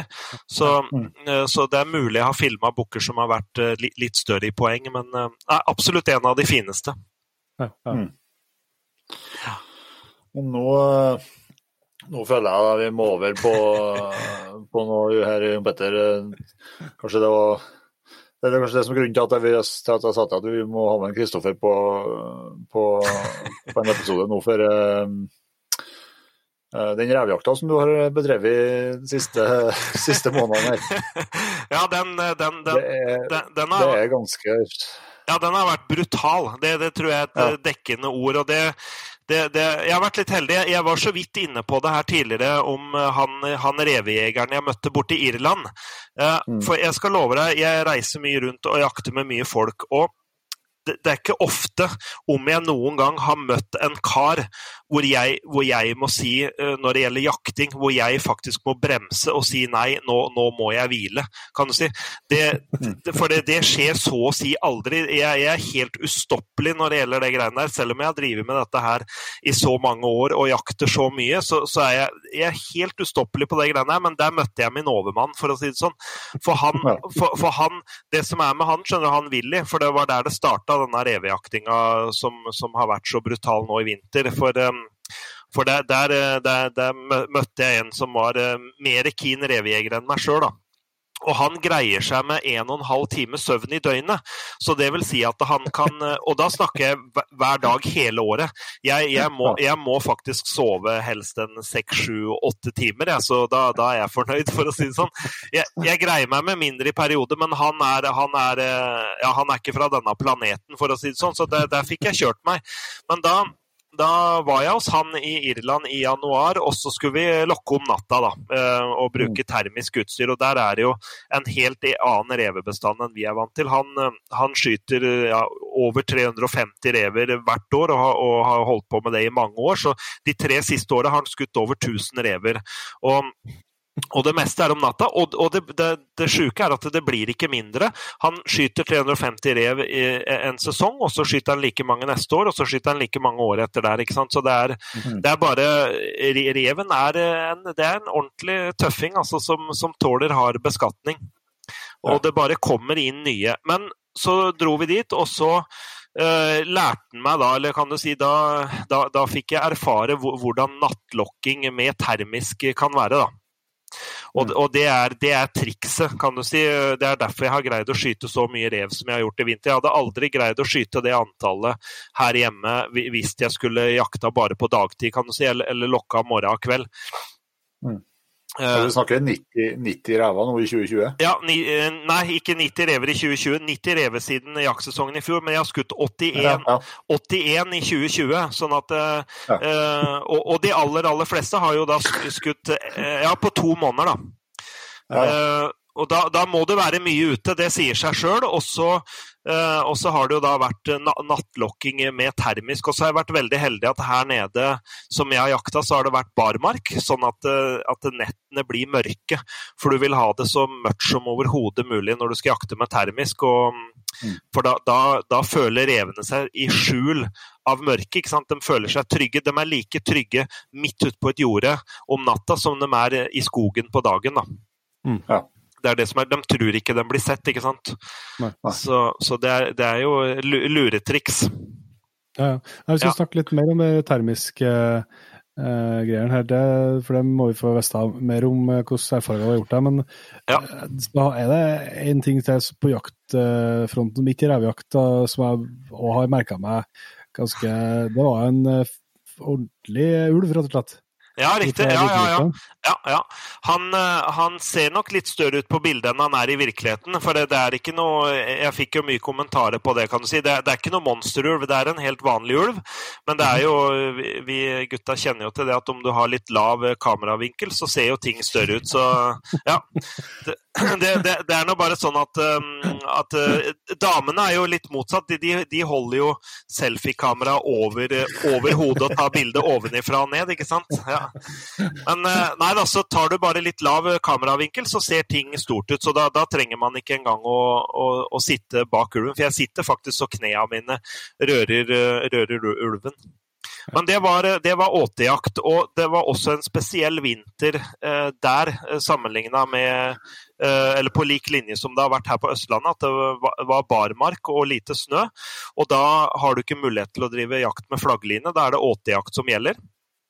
Og, og, jeg har også litt, det snakka dem om der og har litt trua på det at når det er lite snø, så er det ikke nødvendigvis så lett for ulven å få tak i mat. Du kan si at uh, for, det er jo en fordel for ulven når det er mye snø så rådyra sliter, f.eks.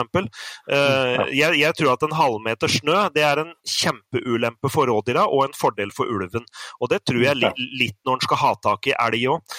Og så har vi en annen ting òg, at mange vann var ikke islagte, så elgen har da fortsatt mulighet til å hive seg på vannet og slippe unna ulven. Mens har du kalde vintre med snø og is, så, så slipper de ikke unna, rett og slett. Nei. Nei og, og, rådyr, jeg tror det er ekstremt mange rådyr her på Østlandet nå som har blitt jaga på av ulv i vinter, men hvor ulven ikke har fått tak i. Men derimot hadde det vært 30-40-50 cm snø, så har, har ikke rådyra noe sjans. Og da, da kommer ulven lettere på åte. Mm. Ja. Men uh, det er ikke aktuelt med lokkejakting uh, på ulven? Jo, jo, det kan det være, og det, det driver de litt med. og da, da uh, så, så, vi prøvde på det uten, å, uten at jeg hadde noe hell med det, kan du si. Så det, den jeg skøyt, det var på åte. Men, men jeg veit om flere nå som har lokka inn ulv, og det har jo også blitt skutt ulv på, på lovlig jakt i Sverige i vinter på lokk. Mm. Uh, og det, det vet jeg at de gjør mye i Canada også, da. Og da er det of, ofte kombinasjon av ulvehyl med, med, hareskrik eller andre dyr i nød, da, kan du si. Mm. Det er jo drømmen, det, selvfølgelig. jeg, så en, jeg, jeg så en film på YouTube av far og sønn som skjøt, ja. som lokka først med ulvehyl. og ja. så Yes. Da kom jo, det kom jo en flokk med ulv, da. Ja, helt rått. Jeg, jeg, jeg så samme filmen, og jaggu meg greide de å skyte én hver. Ja, ja. Svære beist, kan si. Nei, helt rått. Nei, altså det, det, der, og det akkurat det samme har folk gjort i Sverige nå i år. Ja. ja. På, på, skyds, på, noen av de skyddsjaktulvene, eller skadefellingene. Ja. Mm. ja. Så Nei da. Det er tøft, det lukkejakta. Det er ja, ja da, det, det, jeg sa jo det i sted at det um, er sånn adrenalin-junkie. At uh, for meg opplevelsen er viktig, og jo mer intens opplevelsen er, jo, jo, jo bedre er det jo, syns jeg. da. Mm. Og da syns jeg lokkejakta den gir den gir en dimensjon uh, til, til selve opplevelsen, uten tvil. Mm. Hvis du sammenligner det med å reise på vårbukkjakt i Sverige, eller i, i Polen på nå, nå, på den tida her, eller når den jakta starter i mai, og så går du, sniker du langs noen grønne jorder, og så legger du deg ned, og så klinker du ned et rådyr som går der og beiter, sammenligna med det å, å lokke inn et du, du, får en mer intens opplevelse, uten tvil. Mm -hmm. uh, og det skal jeg ærlig innrømme at det, det, er viktig for meg, kan du si. Det, det gir meg mer, men det, det, er på en måte min, min preferanse, da. Sant, sant. Mm. Ja.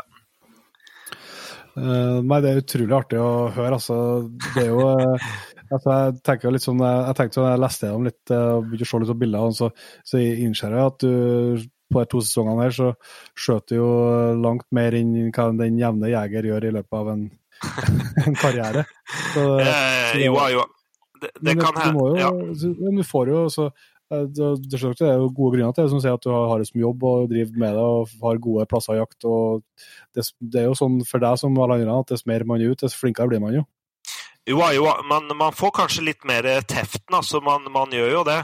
Så ja, og når det gjelder den eh, revejaktinga, det er jo noe som jeg har hatt som lidenskap i så mange år, kan du si. Og det, det er eh, det, det, å lokke inn rev, enten det er om natta eller om dagen, det er så heftig uansett. Så det, det greier man ikke å bli lei. Eller i hvert fall gjør ikke jeg det, da. Så Uh, nei, så det, det, blir mye opplevelser, det, det, er ikke noe tvil om det. Og jeg er veldig glad for at så å si alle de jaktopplevelsene jeg driver med, blir festa på film. Uh, mm. så, sånn at man, uh, man, faktisk greier å At man kan gjenoppleve disse minnene gang etter gang, da, kan du si. Mm. Og så føler jeg litt òg at når jeg er på jakt og skyter et dyr, og så har jeg det på film, eh, så blir jo dyret skutt, og, og kjøttet blir spist osv., og, så videre, og kanskje trofeet ender på en eller annen vegg. Men når det kommer på film, så gir man jo på en måte dyret evig liv, hvis du skjønner hva jeg mener. Mm. For det, det, det, det, det, kommer på film, det vil glede, forhåpentligvis gi inspirasjon og glede til andre. Så, sånn at, at Ja. Så, så, dyret dør absolutt ikke forgjeves, for å si det sånn. Nei. nei. nei. nei. altså, det er ikke noe, Du skjønner jo at, at bak der her er et ektefølt engasjement. og Det har jeg jo merka meg at du har uh, brukt litt i liksom, debatt om jaktmotstand og sånt òg. Ja, ja da, ja da. Der, der, der, der, går vi jo ikke, ikke lysere framtid i møte, dessverre. fordi at Vi er jo ekstremt heldige i Norge enn så lenge. Det er vel en av de plassene jeg har vært hvor det er minst motstand mot jakt. da. Det, I og for seg er det jo den i Afrika, og så er det jo veldig lite motstand. fordi der, der, lever de jo så tett på naturen at folk, folk forstår jo at det er liksom en del av kretsløpet. Um, det som ikke er bra i verden nå, det er jo at, og spesielt den vestlige verden, at en så stor andel av, av folk bor i byer og vokser opp i byer og har absolutt ikke noe forhold til, til natur og, og, og dyr og, og ja, hva egentlig eh, hele livet og kretsløpet dreier seg om, da, kan du si. Det blir så fjernt for dem, og det, det, er, det er, ikke bra for oss, kan du si, i det hele tatt. Men, men, men, vi er veldig heldige i Norge, så det, det som jeg eh, vi, vi, ser jo alltid disse argumentene hvorfor jakter du osv. Jeg tror at eh, Jeg tenkte litt på dette i dag, for jeg, jeg tror vi jegere vi må bare være ærlige med at uh, vi, vi syns faktisk det, vi liker å drepe, kan du si. Det, det, er ikke til å komme bort ifra. Hvis vi jegere ikke likte å drepe, så hadde vi gått rundt med kamera i stedet og tatt bilder av dyra. Men, men det gjør vi. Det, det, det, hvert fall det, det, innrømmer jeg gjerne. Men det, det, å drepe noe, eh, det er brutalt. Og jakt er brutalt, men det er også helt naturlig. Si, mm. det er jo ikke noe som er mer brutalt enn naturen. Eh, I, i dyrelivet i naturen. Det handler jo om å spise eller å bli spist, og det, er aldri pent, kan du si. Men vi mennesker er også en del av det. Og, og, hvis ikke vi jegere faktisk greier å innrømme at jo, vi syns det er helt OK å drepe, uh, rett og slett moro det, sånn, sånn, er det bare. Hvis ikke så kunne vi bare kutta det ut, kan du si. Um, og da, og det, er den brutale sannheten. Og den, den vil jo aldri noen jaktmotstandere liksom greie å forstå, ikke sant. Du, du, du, du må Men så er det veldig viktig å legge til at de jeg kjenner som er mest glad i dyr og natur på ekte, det er også jegere. Helt enig. Si, fordi, fordi, det, å, det å, å, på en måte uh, synes det er OK å drepe dyr, det mo, motsier på ingen måte at man kan være ekstremt glad i dyr. Og du ser jo, Hvem er det som fôrer rådyr om vinteren, eller hvem er det som hjelper sant, dyr som uh, trenger hjelp? Hvem er det som er med i viltnemnda og avliver skadde dyr og sånn? Jo, det er bare jegere. Uh, sånn at så at de som bryr seg mest om dyr og natur, det, det er i stor grad jegere. Og, og, og vi forstår at det, det, å drepe, det er helt naturlig. Mm. Ja. Det er den, den, brutale sannheten. Det er bare å innrømme at jakt er brutalt, men helt naturlig. Mm. Men eh, du som, eh, du som uh, lever så i, i den verden uh, Eh, merker du at det, at det, blir Føler du at det blir vær i Norge? Altså med, med motstand? Eh, ikke mye. Jeg, jeg syns jo vi, vi, er heldige. Vi har jo NOAH som, eh, som, prøver å stikke litt kjepper i hjula for oss. Og det er jo av og til faktisk NOAH kommer med ting som jeg er enig i, men dessverre så er det mye av det som ikke henger på greip. Da kan si. De, de, de, men, men NOAH er NOAH skal vi greie å leve med, hvis du skjønner. De stikker litt kjepper i mm. hjula for oss, men vi skal jo ikke lenger enn til Sverige før du har sånne helt usaklige uh, organisasjoner som, ba, som, rett og slett bare hater jegere. og De bryr seg jo overhodet ikke om, om, dyrelivet eller å, å, ta vare på dyr eller noen ting. Det er én ting som betyr noe for dem, og det er å ødelegge for jegere. Ja. Uh, kan du si. De, de, de tror og mener at jorda hadde blitt et, et bedre sted uten jegere. Ja. Mm. Men der tar de feil. Mm. Ja. ja. for jeg ser jo at uh, du har liksom drevet og, og prøvd å, å, bringe litt fakta til bordet liksom, i, i, debatten. Da. Både når folk ja. Uh, trekker uh, ja, bruker bilder og statistikk og, og sånt feil, men òg Ja. eh, men også liksom jaktas betydning, f.eks. i Afrika. og Ja, Der har ja. jo kommet noen rapporter som er ganske entydige på faktisk eh, det er en viktig det er, altså Til og med på utrydningstrua dyr så er det jo vanskelig å forstå men, sånn, ja. direkte, men det er jakt er helt avgjørende for at de skal berge. Ja, ja, ja. Nei, der, der er jeg jo ekstremt eh, engasjert, for å si det sånn. Og det er jo fordi at eh, jeg har jo vokst opp der. Det, det er der jeg lærte å jakte. Så den, den jakta i Afrika den ligger veldig nær eh, hjertet mitt, da, for å si det sånn.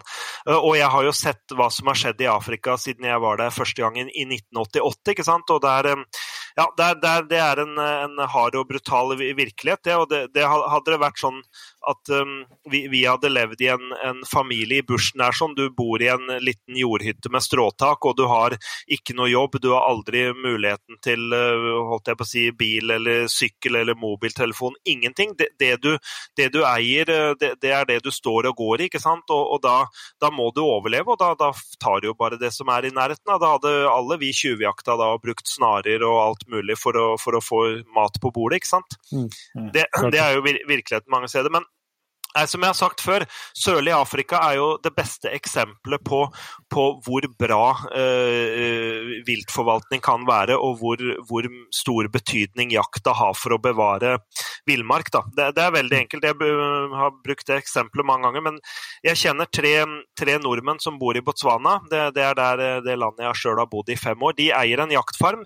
De kjøpte den jaktfarmen jeg tror det var i 2007, eh, eller om det var i 2009. Det det ja, litt, litt over ti år siden så kjøpte de en farm. Det var da en tidligere kvegfarm.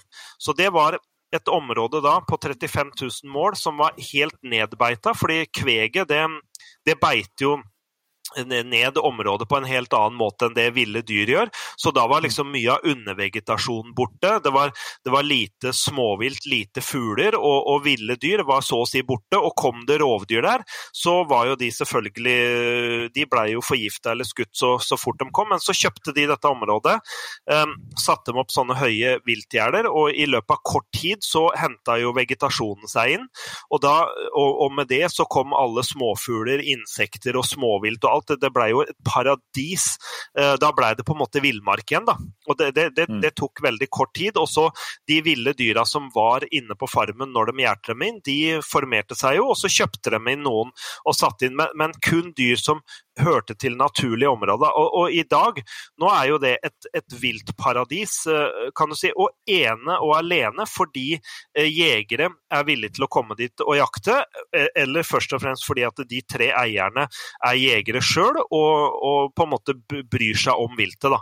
Så Mm. det, det, er- det er veldig enkelt det der, fordi at de skyter kan du si, noen få prosent av de dyra hvert år. Eh, Kanskje maks 10% Og de 10 prosentene som blir skutt hvert år, de betaler for at hele det området der eksisterer, kan du si. Så, Mm. eh, og det, det gjelder jo all jakt i sørlige Afrika. at det, og hadde, ikke de, hadde det ikke vært jegere som kom dit og jakta på de, de dyra, så, er det, så, så, har, så hadde ikke de dyra eksistert. Det er jo ikke sånn at om man hindrer troféjegere og drar til Afrika, så vil dyra leve i, i fred og fordragelighet og, og liksom uh, uforstyrra. Da forsvinner de, for da, da begynner man jo med kveg i stedet. Og det gjelder hele det sørlige Afrika. At der er det private grunneiere uh, og, og jegerne som er de ekte naturvernere, da kan du si. Det, det her kunne vi hatt en egen podkast om å snakke om i, i flere timer, men, men, eh, men du kan si sånn nordmenn generelt, vi bryr oss ikke så mye om det der. eh, Det er jo kun de jegere som har vært i Afrika eller som tenker om det, som bryr seg om det. Hvis vi leser noe i avisa som VG og Dagbladet sånn om troféjakt eller Afrika, så er det jo alltid noen sånne horrible historier om uh, en eller annen riking som har vært og skutt en løve eller noe. men hadde de journalistene visst da hvor mye eh, Dere har jo hatt besøk av noen sånne rikinger, eller han Øyvind Christensen jo, han går jo i den kategorien. Han er jo en rik investor eh, som har vært i Afrika og skutt eh, løver og leoparder og det ene med det andre, men lagt igjen uhorvelig mengde med penger der nede. og og sørga for i, i, direkte med egne penger fra egen lommebok å bevare både villdyr og villmark der nede. Så du kan si at eh, Mens VG og Dagbladet sånn, de er rimelig snare på å finne artikler, gjerne som kommer fra Daily Mail, en sånn drittavis i, i England som hater jegere. Det blir delt med en gang det er noe negativt om troféjegere og troféjakt, så, så, så kommer det i avisa, ikke sant. Mm. Eller hvis det er noe som kommer, så er det det. Det er uhyre sjelden det blir delt noen noe artikler som er positive til, til troféjakt. Da. For det er liksom Troféjakt, det er, det, det er så ille i, i, i, byfolk sine ører og, og, og media sine ører at det, det, er tragisk, egentlig. For det er jo ekstremt viktig for å bevare dyra. Ja, mm. det, er, ja. det, er, det, er, det, er, det er jo på liksom litt, litt, annet, litt annet kretsløp enn det som man tenker som det naturlige. Ja. Men det er altså et kretsløp, da. Ja, ja, ja. Helt klart. Det, det, naturlige, det hadde jo vært Og, og det, det, er jo i og for seg alle sin ønskedrøm, at vi hadde vært eh, kanskje 10 av de menneskene som er på jorda i dag, hadde eksistert. Og så hadde, hadde, hadde 90% av naturen vært urørt. Det er jo en sånn eh, en, en ønskedrøm, men, men den, det kommer jo aldri til å bli en virkelighet, for å si det sånn. Nei. Men, men så, nei, altså det, det, er det dyrevernere og, og NOAH sånn glemmer. De mener jo at nei, nå skal vi bare overlate naturen til seg sjøl, og så får, får, naturen gå sin gang. og vi, vi, jegere har ikke noe der å gjøre, og dyra greier seg fint sjøl. Men, men, da glemmer de, da, da har de ikke reist reist mye rundt i Norge og sett åssen eh, Norges land ser ut. Det bor jo folk på kryss og tvers absolutt overalt. Vi er jo, vi er jo en like stor del av naturen, vi, som alt annet. Helt klart. Mm. helt klart. Det blir helt underlig hvis man skal ta mennesker ut av en ligning. Ja. Ja, det er akkurat det, og det er det de helst vil. Men da er de, da er de så på bærtur at det, det, jo, det, det, nytter jo ikke å prate fornuft med dem, dessverre. nei, nei. nei. nei. Men det, er, det er interessant innom det temaet, men uh, vi uh, kommer ikke unna å snakke litt uh, utstyr her, Inge? Nei, vi det skjer, det skjer, jo ting på utslippsfronten hele tida. Jeg vet jo at Kristoffer, ja. du er jo ivrig, ivrig kar på å teste, teste litt nytt. Uh, ja da, ja da. Ja, ja. Uh, vi ble jo litt varme over, nedover ryggen her en periode. Vi så at det var, at det, det var blazer med på noen bilder og greier. er dere sånne blazer-gutter? Ja, ja. Vi kan gjerne innrømme at vi er blazer-fanboys. Ja. Bla, bla, uh, blazer lager jo kanonbra våpen. både både rettrekkerriflene og kombi og drilling og enkeltløprifler osv. Helt tipp topp børser jeg har hatt blazer jeg har vært fornøyd med dem. Vært eh, god, god presisjon osv. Det, det er ett minus som jeg vil si med blazer, og det er den, den, muligheten for at de kan klikke hvis ikke du tar uh, sluttstykket ordentlig fram, da, eller bolten ordentlig fram. Og det, det, er, det er, jo no, noe som skjer hvis, eller det, det, er, det, er, lagt opp til at det kan skje menneskelig feil, hvis du skjønner. Eh. Absolutt alle rifler kan få klikk, eh, uansett om det er Saco eller Tikka eller hva som helst. Når du lukker igjen bolten og du drar i avtrekkeren, så, så kan det klikke av forskjellig grunn. Det kan være noe med tennstiften eller, eller, eller tennhetta på patronen eller hva som helst. Det, det er rom for det. Men, men Blaster har laga et våpen hvor det er, det er en, en, liten mulighet for at det kan skje menneskelig feil, hvis du skjønner. Mm. Um, og det, det, har jeg opplevd sjøl, og det har jeg sett veldig mange andre som har blazer opplevd. Men hvis du først har opplevd det én gang, så er du veldig nøye med å lukke igjen den, den bolten ordentlig neste gang, kan du si. Mm. Eh, så det, det, er, det, er, det, er, jo som med alle andre våpen, at jo mer du bruker et våpen, jo bedre kjent blir du. Jeg regner med dere ikke har mange sånne klikk eh, nå, nå om dagen, for å si det sånn. Men, eh, men bortsett fra det, blazer er kongevåpen, og jeg, ja, jeg, jeg bruker gjerne blazer igjen, kan du si. Nå har jeg brukt sauer mye, jeg er glad i det. De, de kan klikke iblant, dem òg. Uh, da, da, føler jeg ofte at det kan være et eller annet med patronen, da. Uh, at det er en, en, Men så kan det være at det, visse, visse tennstifter er så de er litt ømfintlige på om hetta er dytta en, en, eh, kvart millimeter for langt inn, så, så er det rom for at det kan klikke, da. Nei, men, men børser, der, der er jeg veldig avslappa. Altså, jeg, jeg, jeg, vil ha ei børse som smeller når du drar i avtrekkeren, og som er presis. Uh, det, mm. det, er på en måte nummer én. Uh, om, om, det våpenet heter Tikka eller Remington eller Sauer eller Blazer, det, det, har ikke noe å si for min del. Altså. Jeg er ikke noe sånn opphengt i akkurat det. men, men Blazer, Blazer-fan er jo som, eh, som iPhone-fans. ikke sant? Man, jeg, jeg, jeg, jeg er Mac- og, og iPhone-fan sjøl og, og ville aldri tenkt å bytte til noe annet. ikke sant? Så, så det som Blazer har fått til, er jo en, det er en sånn kulhetsfaktor. da, ikke sant? At de, de har fått et, de, de har gjort noe veldig bra med markedsføringa. fordi det er, det er kult å ha Blazer, ikke sant? og det er kult å være med i, i Blazer-klubben. Ja, det, Så- så det- jeg akkurat, akkurat den sammenligninga har jeg gjort ganske mange ganger. For jeg, Ja. ser jo støkk i begge, begge delene. Så Du, du er begge Mm. deler sjøl, ja. ja. du er jo blakk, du er blakk, blakk og blid, da. Blakk og blid. Ja, ja. Det var bra, det var bra eh, formulering. Men, eh, men det som jeg tenker er veldig interessant å snakke med deg om eh, når det kommer til dette våpenet, Kristoffer, det er jo at du, du skjøter jo mye vilt, mye langt mer enn de fleste av oss. Og da er jo interessant å høre hva du tenker om kaliber og kuler og sånt. Ja, ja. Nei, det diskuteres jo, diskuteres jo voldsomt, eh, og Ja. jeg mistenker jo ofte at de diskusjonene eh, baserer seg på et eh, empirisk grunnlag som er, Ja. som er litt svakt. Veldig ofte. Ja da, det er jo kulediskusjon, ikke sant. Kaliber og 6,5 og 308 og 3006 osv. Alle de er jo mer enn bra nok. Og jeg har, jeg har aldri vært noe sånn at jeg har eh, brydd meg noe mye om kaliber. Jeg har skutt absolutt mest vilt eh, eh, rundt omkring på kloden med 6,5. Um, det er det jeg har brukt mest. og, og og, og 6,5 duger til alt, for å si det sånn. Det, det kunne du skutt elefant med hvis du ville det, men, men da, da må du vite hvor du skal sette kula og bruke riktig kule. Og det, og det gjelder jo med 6,5 at eh, det lønner seg å ha gode kuler, og det, det er jo mye å få tak i nå om dagen. Så eh, man må jo være nøye med å sette kula riktig. Uansett hva, det, hva, hva man bruker, og da har det ikke noe å si om man bruker 6,5 eller 9,3. Eh, Og, og, og 9,3 har jeg også brukt mye. Jeg har skutt rådyr og rev og, og holdt jeg på å si hjort og elg eh, med 9,3. Jeg har skutt masse dyr i Afrika med 9,3, men de dør på ingen måte noe fortere med, med 9,3 enn med 6,5, eh, så fremt kula er satt riktig.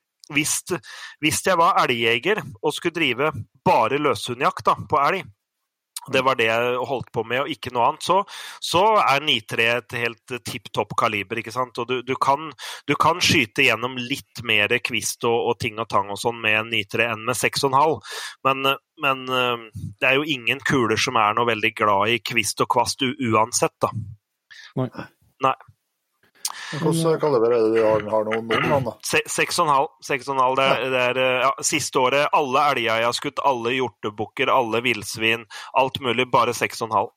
Ja, Ja. ja. Så det, de, de, jeg skøyt jo fire, fire store elgokser, da, eller store i kroppen, uh, når jeg var sammen med Robert det, den uka der. og Han skøyt tre elger sjøl, og, og ah, vi bruker bare 6,5.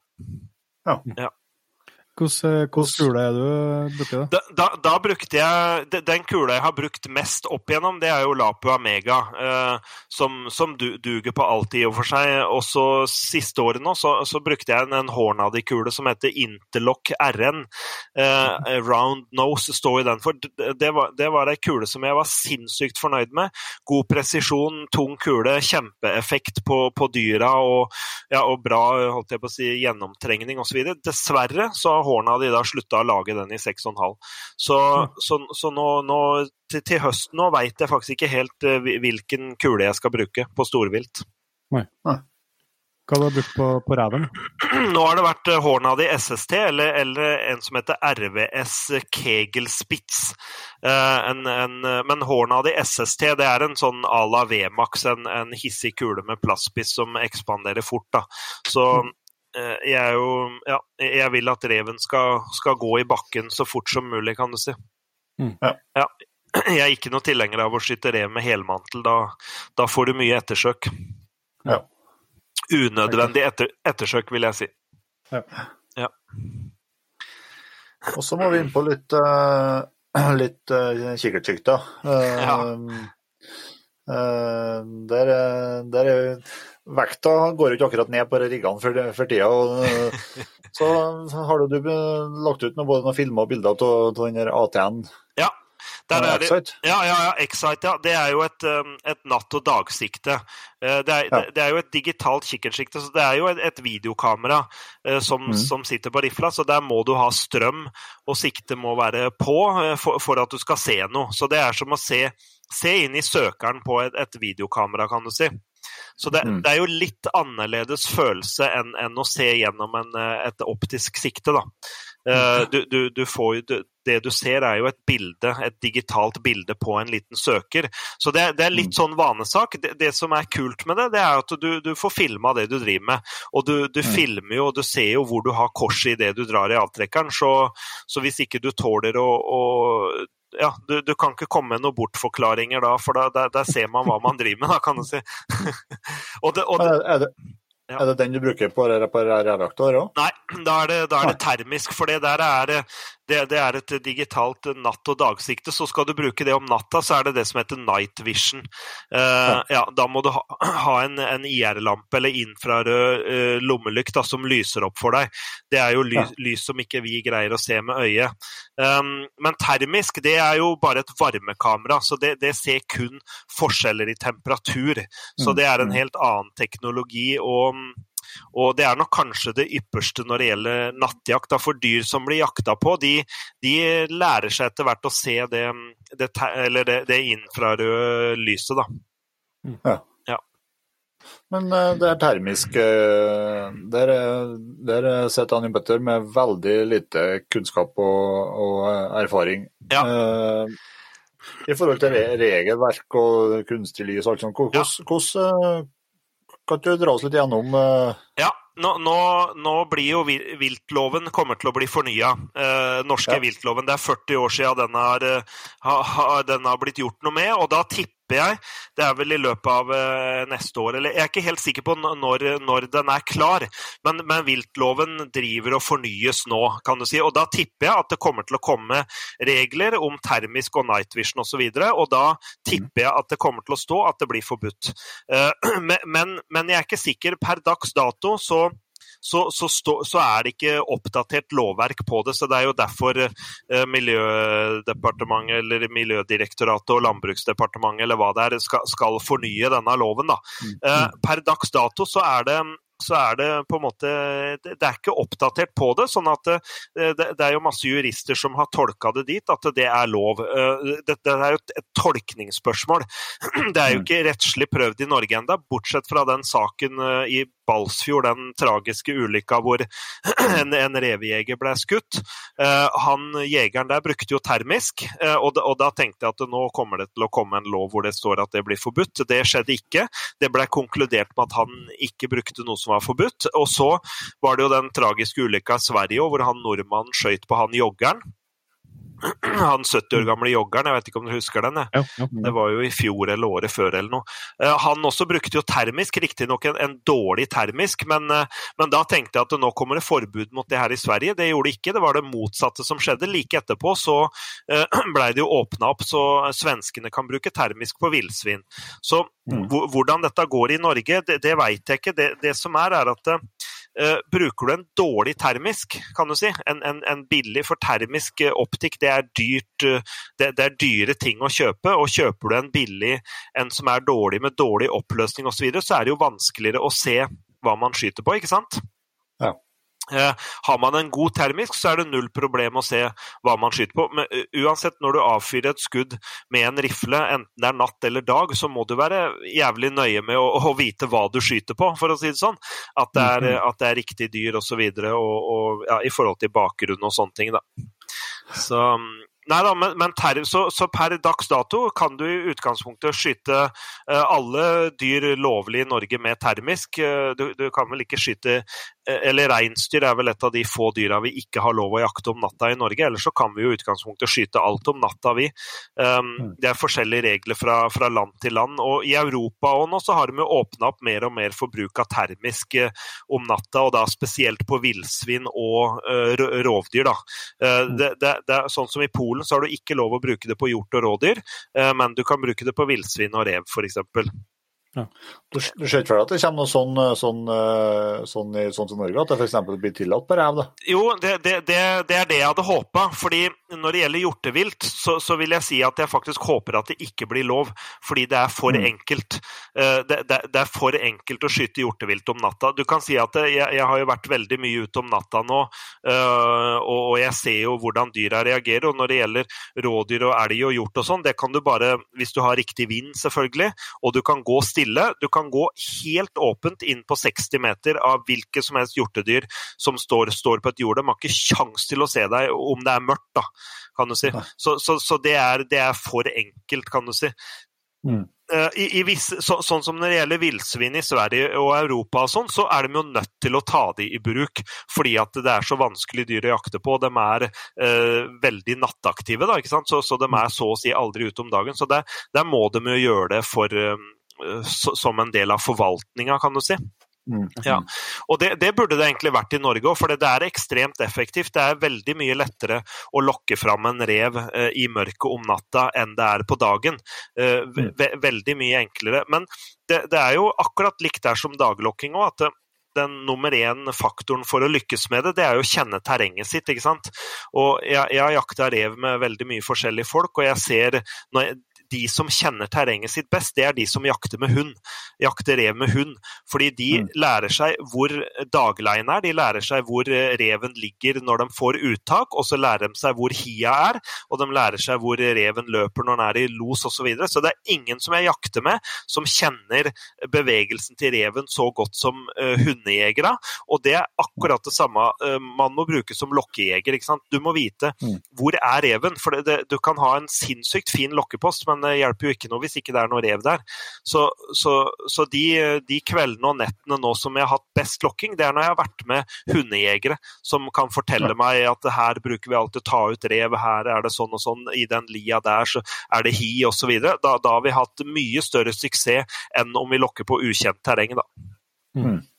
Men hvordan, hvordan gjør du det med eh, når du bruker termisk på, på lokkejakta? Altså, har du en sånn spotter som du står og kikker mens du Ja. lokker, eller hvordan, hvordan det, det? Det, det må du nesten ha hvis du skal gjøre det effektivt. og Dette lærte jeg jo fra han Willy i Irland. Uh, Mm. Det var jo han som på en måte viste meg hvordan lokkejakt om natta skal gjøres. og det er, Du vil ha så mørke netter som overhodet mulig, så, så du kan si at du har 14 dager i løpet av en måned hvor du kan egentlig drive fornuftig nattjakt. fordi når du har måne, så funker det dårlig. For da, det lyser opp himmelen, og det lyser opp terrenget. Og, og hele clouet med å lykkes med den termiske jakta, er at du kan gå ut og stelle deg dønn åpent på jorder eller sletter eller noe sånt, sånn at du kan se 360 grader rundt deg. Um, for da kan du følge med eh, hele veien rundt om reven kommer. Og så, så vi går bare steller oss dønn åpent på jorder. Du, du setter deg ikke ned som du gjør når du lokker om dagen, men da har vi en sånn eh, spesiell skytestokk. Dere snakka om utstyr. Eh, Det, det, er en, det, det er sett at amerikanere og, og han Willy bruker sånne ja, skytestokker som rett og slett er laga for nattjakt. Da. Eh, Da, da, det bruker de på sånne hogs eller, eller halv, halvville griser borti USA, og coyoter. Og i England så bruker de det på rev. og Da har du en skytestokk hvor du kan sette børsa ned i ei klemme, så den står, den, eh, den står i skytestokken uten at du trenger å holde inn.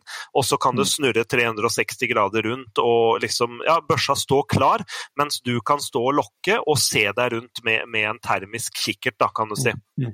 Eh, og da står du bare og lokker, og så står du på samme flekken og går rundt og rundt og rundt, og så skanner 360 grader rundt hvis du har en post hvor det er mulig, da, kan du si. Og så ser du jo med en eneste gang om det kommer en rev. Så, så du, du, er nødt til å stå du, du, du tenker helt annerledes enn på dagjakt på, på en måte. For du, du vil egentlig stå så åpent som overhodet mulig, for du vil ha god oversikt rundt deg. da. Mm. Så det er eh, ekstremt fascinerende og spennende. Og jeg skal love deg, vi har lokka mange poster uten at det har kommet rev. Eh, Og vi har selvfølgelig lo- lokka mange poster hvor det har kommet rev, men eh, vi ikke har greid å skutte den. Men vi får skutt mye oftere enn på, på dagen, fordi at som jeg sa, reven den, den føler seg trygg i mørket. Den føler at han er skjult av mørket, så om han skvetter og, eller merker noe og springer av gårde, så kan den like godt stoppe midt ute på jordet og gi deg en skuddsjanse. Men hvis, hvis, du lokker fram en rev ut i åpent terreng på dagtid, og den merker det minste fare, så vil den jo komme seg av det jordet eller av det åpne feltet og inn i skjul i skogen så fort som mulig, ikke sant? Men eh, du bruker Men, uh, lyder og fløyter og alt sånt? Br jeg bruker akkurat samme lydene. Jeg lokka desidert mest med hareskrik. Uh, og, og, ja, og, litt forskjellige andre lyder, men hareskrik er nummer én. Og det er jo fordi at nå, nå har vi lokka på vinteren hvor den kalde hareskrik-lyden er, er mest effektiv, da. Ja. Eh, det er jo en sånn vinterlokkelyd. Og så er det jo selvfølgelig nå siste måneden er ekstremt effektiv, fordi at nå er revene sultne. Eh, vi har jo sett, de jeg har skutt mange tisper nå som, eh, som har magen full av valper, kan du si. De er jo sprekkeferdige, og, og du, ja, så, så, du kan si at de, de kommer godt på lokk, da, kan du si.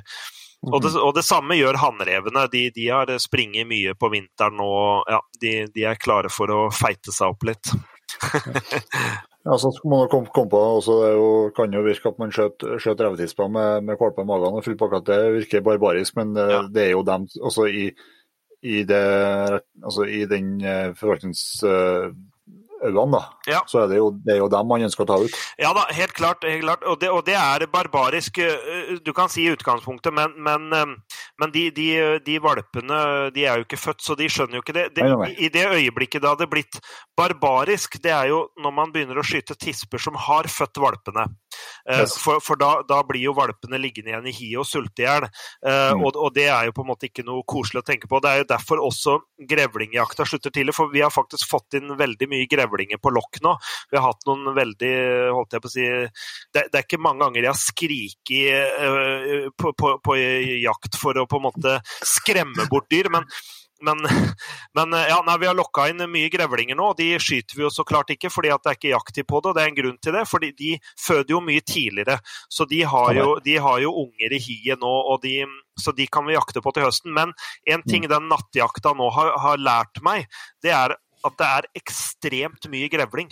For det er jo en art som bor nede i høl, og som kommer mest ut om natta og nesten aldri viser seg om dagen. Og på det meste mm. nå så har vi sett over 30 grevlinger på, på, på en kveld når vi har vært ute og lokka. Det er bare krydd med grevlinger.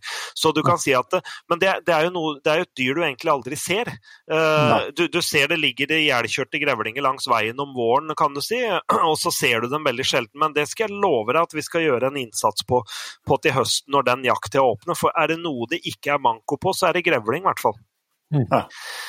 Og, og det, det, er samme, de, de, kommer bra på lokk, og det er nok eh, fordi at de eh, kanskje vil ha med mat tilbake til hiet til, til ungene sine. og sånn. Men så har, jeg mistenker at jeg har skutt ei revetispe eller to nå som faktisk har født valper. Jeg vet at eh, hvis jeg bare går én mil herfra, kommer jeg over på svensk side der, der, slutter revejakta i mars. Jeg tror det er 1. mars, hvis ikke jeg tar feil.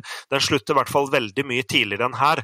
Og, og jeg, jeg, tror eh, dessverre at jeg har skutt en tispe eller to nå som har født valpene. Jeg, jeg har ikke finstudert det, for å si det sånn, men, eh, men jeg mistenker det. Og det, det, er jo ikke noe hyggelig følelse. Det, det, er, det er, barbarisk, så det vil vi helst unngå. Så uh, ja, man, man, får bare håpe at ikke det skjer mye. Ja, ja. Ja. Men eh, hvordan i all verden, hvordan, det er et spørsmål, hvordan får du i tillegg filmer? Eh? Ja da, det er jo samme med termisk. Alt dette er jo digitale sikter, så det, det er jo innebygde videokameraer i det. Og samme med, ja. med håndkikkerten vi bruker, det er innebygd kamera. Så du bare trykker på en rekordknapp, og så filmer du alt både med kikkert og, og, og gjennom rifla, da. Ja. ja, ja. Fantastisk. Ja, da, Men, klarer du å se, du snakka om uh, sikkerhetsskudd og sånn. og Uh, må du Klarer du å se bakgrunnen sånn før, eller må du liksom ha gjort deg opp en mening om det på, på dagtid? skal jeg se hvordan retninger du kan skjøte? Ja, nei, nei, stort sett så ser du det veldig bra. Uh, det som, Hvis du har en, en, en, god termisk, så ser du jo bakgrunnen nesten like bra som dagen. Men, og det er et men, at hvis det er veldig høy luftfuktighet, hvis det har regna uh, hele dagen, eller hvis det regner og det er høy luftfuktighet, så, så ser du bakgrunnen dårligere. Du vil se dyra like godt. men, men, da på en måte Skal vi se, nå skjedde det et eller annet her. Still here Ja. Um, man vil se dyra like godt, men, da, da, forsvinner bakgrunnen. Så det skal man være klar over at med termisk at høy, høy luftfuktighet, det er ikke ikke gunstig med termisk. Nei. nei.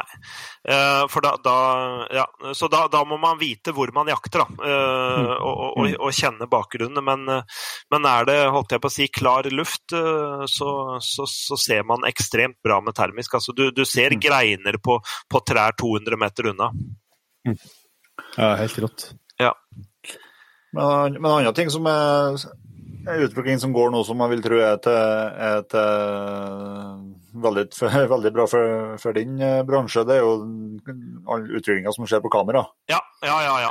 Og det har jeg, det er et spørsmål til deg, for jeg ser et kamera som du sånn som var på, på løshundjakta med, med Robert, der, som ser ut som et kamera som er, står på sida av kikkerten. Ja. Ja. Som filmer trådkorset, hele pakka. Ja, det, det fins noen forskjellige sånne kameraløsninger. og Vi hadde det ATN X-Site som vi prata om i sted, som er et rent digitalt sikte. Og så får du Mm. også kjøpt nå kameraløsninger som filmer gjennom vanlige sikter. Da. Så har, Ja. du, har du et Zeiss eller Leopold eller Swarovski-sikte, så kan du, du kan sette det på hvilket som helst kikkertsikte, så filmer det gjennom. fordi at det er et sånt prismesystem, speilprisme inni der, så du, du får et ekstra glass å se gjennom. Eh, Og der er det et sånn speilsystem som, som gjør at, det- at det filmer da gjennom siktet, da, kan du si. Ja. Det er superfascinerende. Så det det gjør, er at det, det, bygger, det bygger litt bakover. Jeg tror det bygger tre centimeter bakover, så det er en fordel om du har muligheten å flytte siktet litt fram eh, i montasjen. Um, ja. sånn at uh, du ikke får det der smellende i panna når du skyter, da. Ja. Og så er det en, det, det, det- det fungerer superbra, og det er fornuftige priser òg. For 5000-6000 så får du en kjempebra sånn kameraløsning. Og det er jo, vi jegere syns jo det er gøy å, å samle på minner, ikke sant. Og, Mm. og, og, og dokumentere de opplevelsene våre. Så, det, det er en, så, så den utviklinga der er bra for, for oss jegere, ja. Men får du, får du samme opplevelse av optikken, eller liksom blir det blir opp, Ja, liksom, du- du- optisk opplevelse av fringa, eller? Du, du får, som jeg sa, et ekstra glass å se gjennom, så du vil oppleve at det blir litt mørkere. Så den, den varianten som vi snakker om nå, den egner seg ikke for skumringsjakt grytidlig om morgenen eller seint på kvelden. Så det det er ikke den du bruker på bøjakt på hjort i, i månelyset, for å si det sånn, for da, da, da vil du ikke greie å se noe. Så det er, det er til dagjakting. Eh, Mm. all dagjakting. Og så får du litt mindre synsfelt. Du, du, du føler i hvert fall Det er kanskje bare pga. den avstanden at det bygger noen centimeter bakover, så du må ha øyet litt lengre unna siktet. Eh, Så du, du, får, du får litt mindre synsfelt, da. Ja. Ja. Ja. Men sånn, det, og det er litt sånn vanesak. Du skal ikke bruke det mye før du på en måte venner deg til det, og at det er OK, da. Men hvordan, hvordan er det her? har du brukt noe av det her eh, shotcam og, Ja. og eh, tactcam og det der? Ja, du har shotcam og, tactacam. Eh, shotcam det er jo et rent haglekamera. Eh, eller du, du kan i og for seg putte det på rifla òg, men, men det er jo primært for, for hagle. Eh, shotcam det er jo et, et merke på et kamera. Det som er med shotcam, det er at det, det er et kamera som filmer kun når du skyter. Det, det, det kameraet kan du ikke Det fins ikke noe rekordknapp på det, så du kan ikke trykke på en knapp og så filmer det. Det er avhengig av et skudd for å filme, eller et, et dunk i børsa, da, for å si det sånn. Eh, Så det, så det har litt begrensninger. Mens Tactacam det er jo et vanlig actionkamera, sylinderforma actionkamera, som har en rekordknapp hvor du kan velge sjøl når du filmer og ikke. Eh, Som, som, og det er jo den løsninga som du kan feste på hagla di, eller du kan feste den oppå kikkertsjiktet, eller du kan ha en sånn løsning som filmer gjennom kikkertsjiktet, da. Mm. Ja. Som er veldig bra. Dere kjenner sikkert til en nettbutikk som heter Markusan, gjør dere ikke det? Mm, ja, Ja, Er, den oppe i traktene deres, eller? visst. Det er Ja. ikke så langt herfra. Ja, for de, de har jo noen sånne kameraløsninger som det der, blant annet. Ja, for jeg har sett på den, der, den eh, for eh, at det, at det, det er jo zoom på, for det er jo litt utfordringa mye på actionkamera, at det blir så Ja. voldsom vidvinkel. Ja, ja, ja. Så, det, så det er mye bedre løsning det for, for jegere. B både shotcam og tactacam zoomer jo Mm. my mye sammenligna med GoPro eller, eller disse Garmin-kameraene og sånn. Mm. Så For, eh, jeg kjøpte meg, jeg kjøpte meg første actionkamera mange, mange år siden, når det første GoPro-ene begynte å komme. og, og Ja. jeg sk- jeg skjøt i eh, røy første turen på jakt med det her, og gledet meg sånn til å hjem og se. Her, skulle, her blir saken den situasjonen og stand og greier. Ja. Så kommer jeg hjem og så ser det ut som ser Du kan så vidt se ja. antydninger til en fugl borti Ja, ja. ja. Nei, vi, vi, har alle vært der, holdt jeg på å si. De fleste av oss har jo prøvd og eksperimentert litt med de greiene der og gått, og gått veien, for å si det sånn. Men mm. um, Nei, så, så uh, De nye GoPro-kameraene er, jo, det er jo faktisk veldig gode kameraer, men de har, har jo begrensa bruk, og du må ha viltet ekstremt nære, da. Mm. Så Nei, ja, Det er artig å få snakke med noen som kan, som, eh, som kan, kan mye om utstyret. Eh, jo, jo, nei, men man lærer så lenge man lever, og den utviklinga der, den er jo det, Der skjer jo noe hele tida, så man greier jo faktisk ikke å henge med alt. da. Og, og jeg var litt sånn motstander av sånn termisk helt til jeg fikk prøvd det sjøl. For det er litt sånn med oss jegere, det er jo etiske spørsmål alt dette her med, med Vi har jo peiler, og vi har jaktradioer, og vi har kikkertsikter og termiske ikke sant? Det, det, er jo, det, er jo, rimelig mm, rått hva vi kan få tak i av utstyr etter hvert. Og det er som jeg sa, det der med å skyte hjortevilt om natta med termisk, det, er, det, det, det syns jeg kan diskuteres etisk. Hvis det er dyr du, du overhodet ikke greier å få tak i, og du på død og liv må, må ha i hjel, eller bestander som er altfor høye osv., så, videre, så er det greit. Men på vanlig norsk hjorteviltjakt så, så har vi overhodet ikke noe bruk for å, å skyte dyr med termisk om natta, kan du si. Nei. Men reven, er, det er en, en luring. Det er, en, det er, jo en mye vanskeligere art å jakte på, og, og en, en, art det er mye mer av enn vi tror. ikke sant? Så der, um, der, der ser jeg litt annerledes på det. Mm. Ja. Så, men vi får se. Vi får se hva slags regler som kommer der etter hvert. Det blir litt spennende. Ja, det er ikke tvil om. Og så er det, så er, Antagelig så vil det ikke komme noen sånn direkte regler. Altså for det, det, er jo vanskelig bestandig med du, altså, lovverk og, og ja. teknologisk utvikling. Det er liksom, Du blir bare springende etter bestandig. Så ja, ja, ja. det må jo komme det må, det må være mer sånn på prinsippbasis, liksom. Ja, ja. Eh, mer enn at det skal være det eller det er lov, liksom. Det eneste som er sikkert, er at det, at eh, det selges veldig mye termisk eh, i Norge og Sverige og Europa og sånn. og det, det, er jo noe som har de siste åra i jaktbransjen har vært blant de store nyhetene, kan du si. Mm, de, de, de siste to til tre åra. Jeg var jo på den der IVA-messa i Tyskland, og, og da, da, ser man jo på en måte hvor mye oppmerksomhet det termisk har fått. Så det er nok en teknologi som har kommet for å bli. Og så er det vel lurt som alt annet at det, at det kommer noen reguleringer etter hvert, så får vi bare se mm. hva det blir. Ja. Hva, hva, hva, er det du har brukt av termisk du dun? Da? Har jeg brukt uh, noe som heter ATN Mars. Uh, det, det, heter jo I USA så heter det ATN Tor. Det er akkurat samme sikte, bare at i USA så heter det Tor, og så heter det Mars i Europa. Og Det er fordi at amerikanere i utgangspunktet ikke har lov å eksportere termisk, for det er på en måte militærteknologi ut av landet. Så da, Derfor så måtte de ha forskjellig navn på det. Da, på, ja, det jeg, jeg veit ikke, jeg, jeg, jeg, kan ikke nok om det. Men i hvert fall det, det heter ATN Mars Mars 4.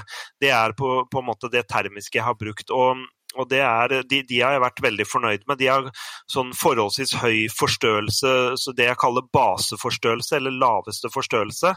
Eh, fordi reven er eh, Det er små blinker. Eh, og, og, og, så er det sånn med alle digitale sikter at hvis du skal begynne å zoome, så blir det bare grumsete. For det eneste du gjør, er å forstørre piksler. Så jeg vil ha alle de siktene på, på laveste forstørrelse hele tida, da. For, for, da, for, da, har du klarest bilde, kan du si.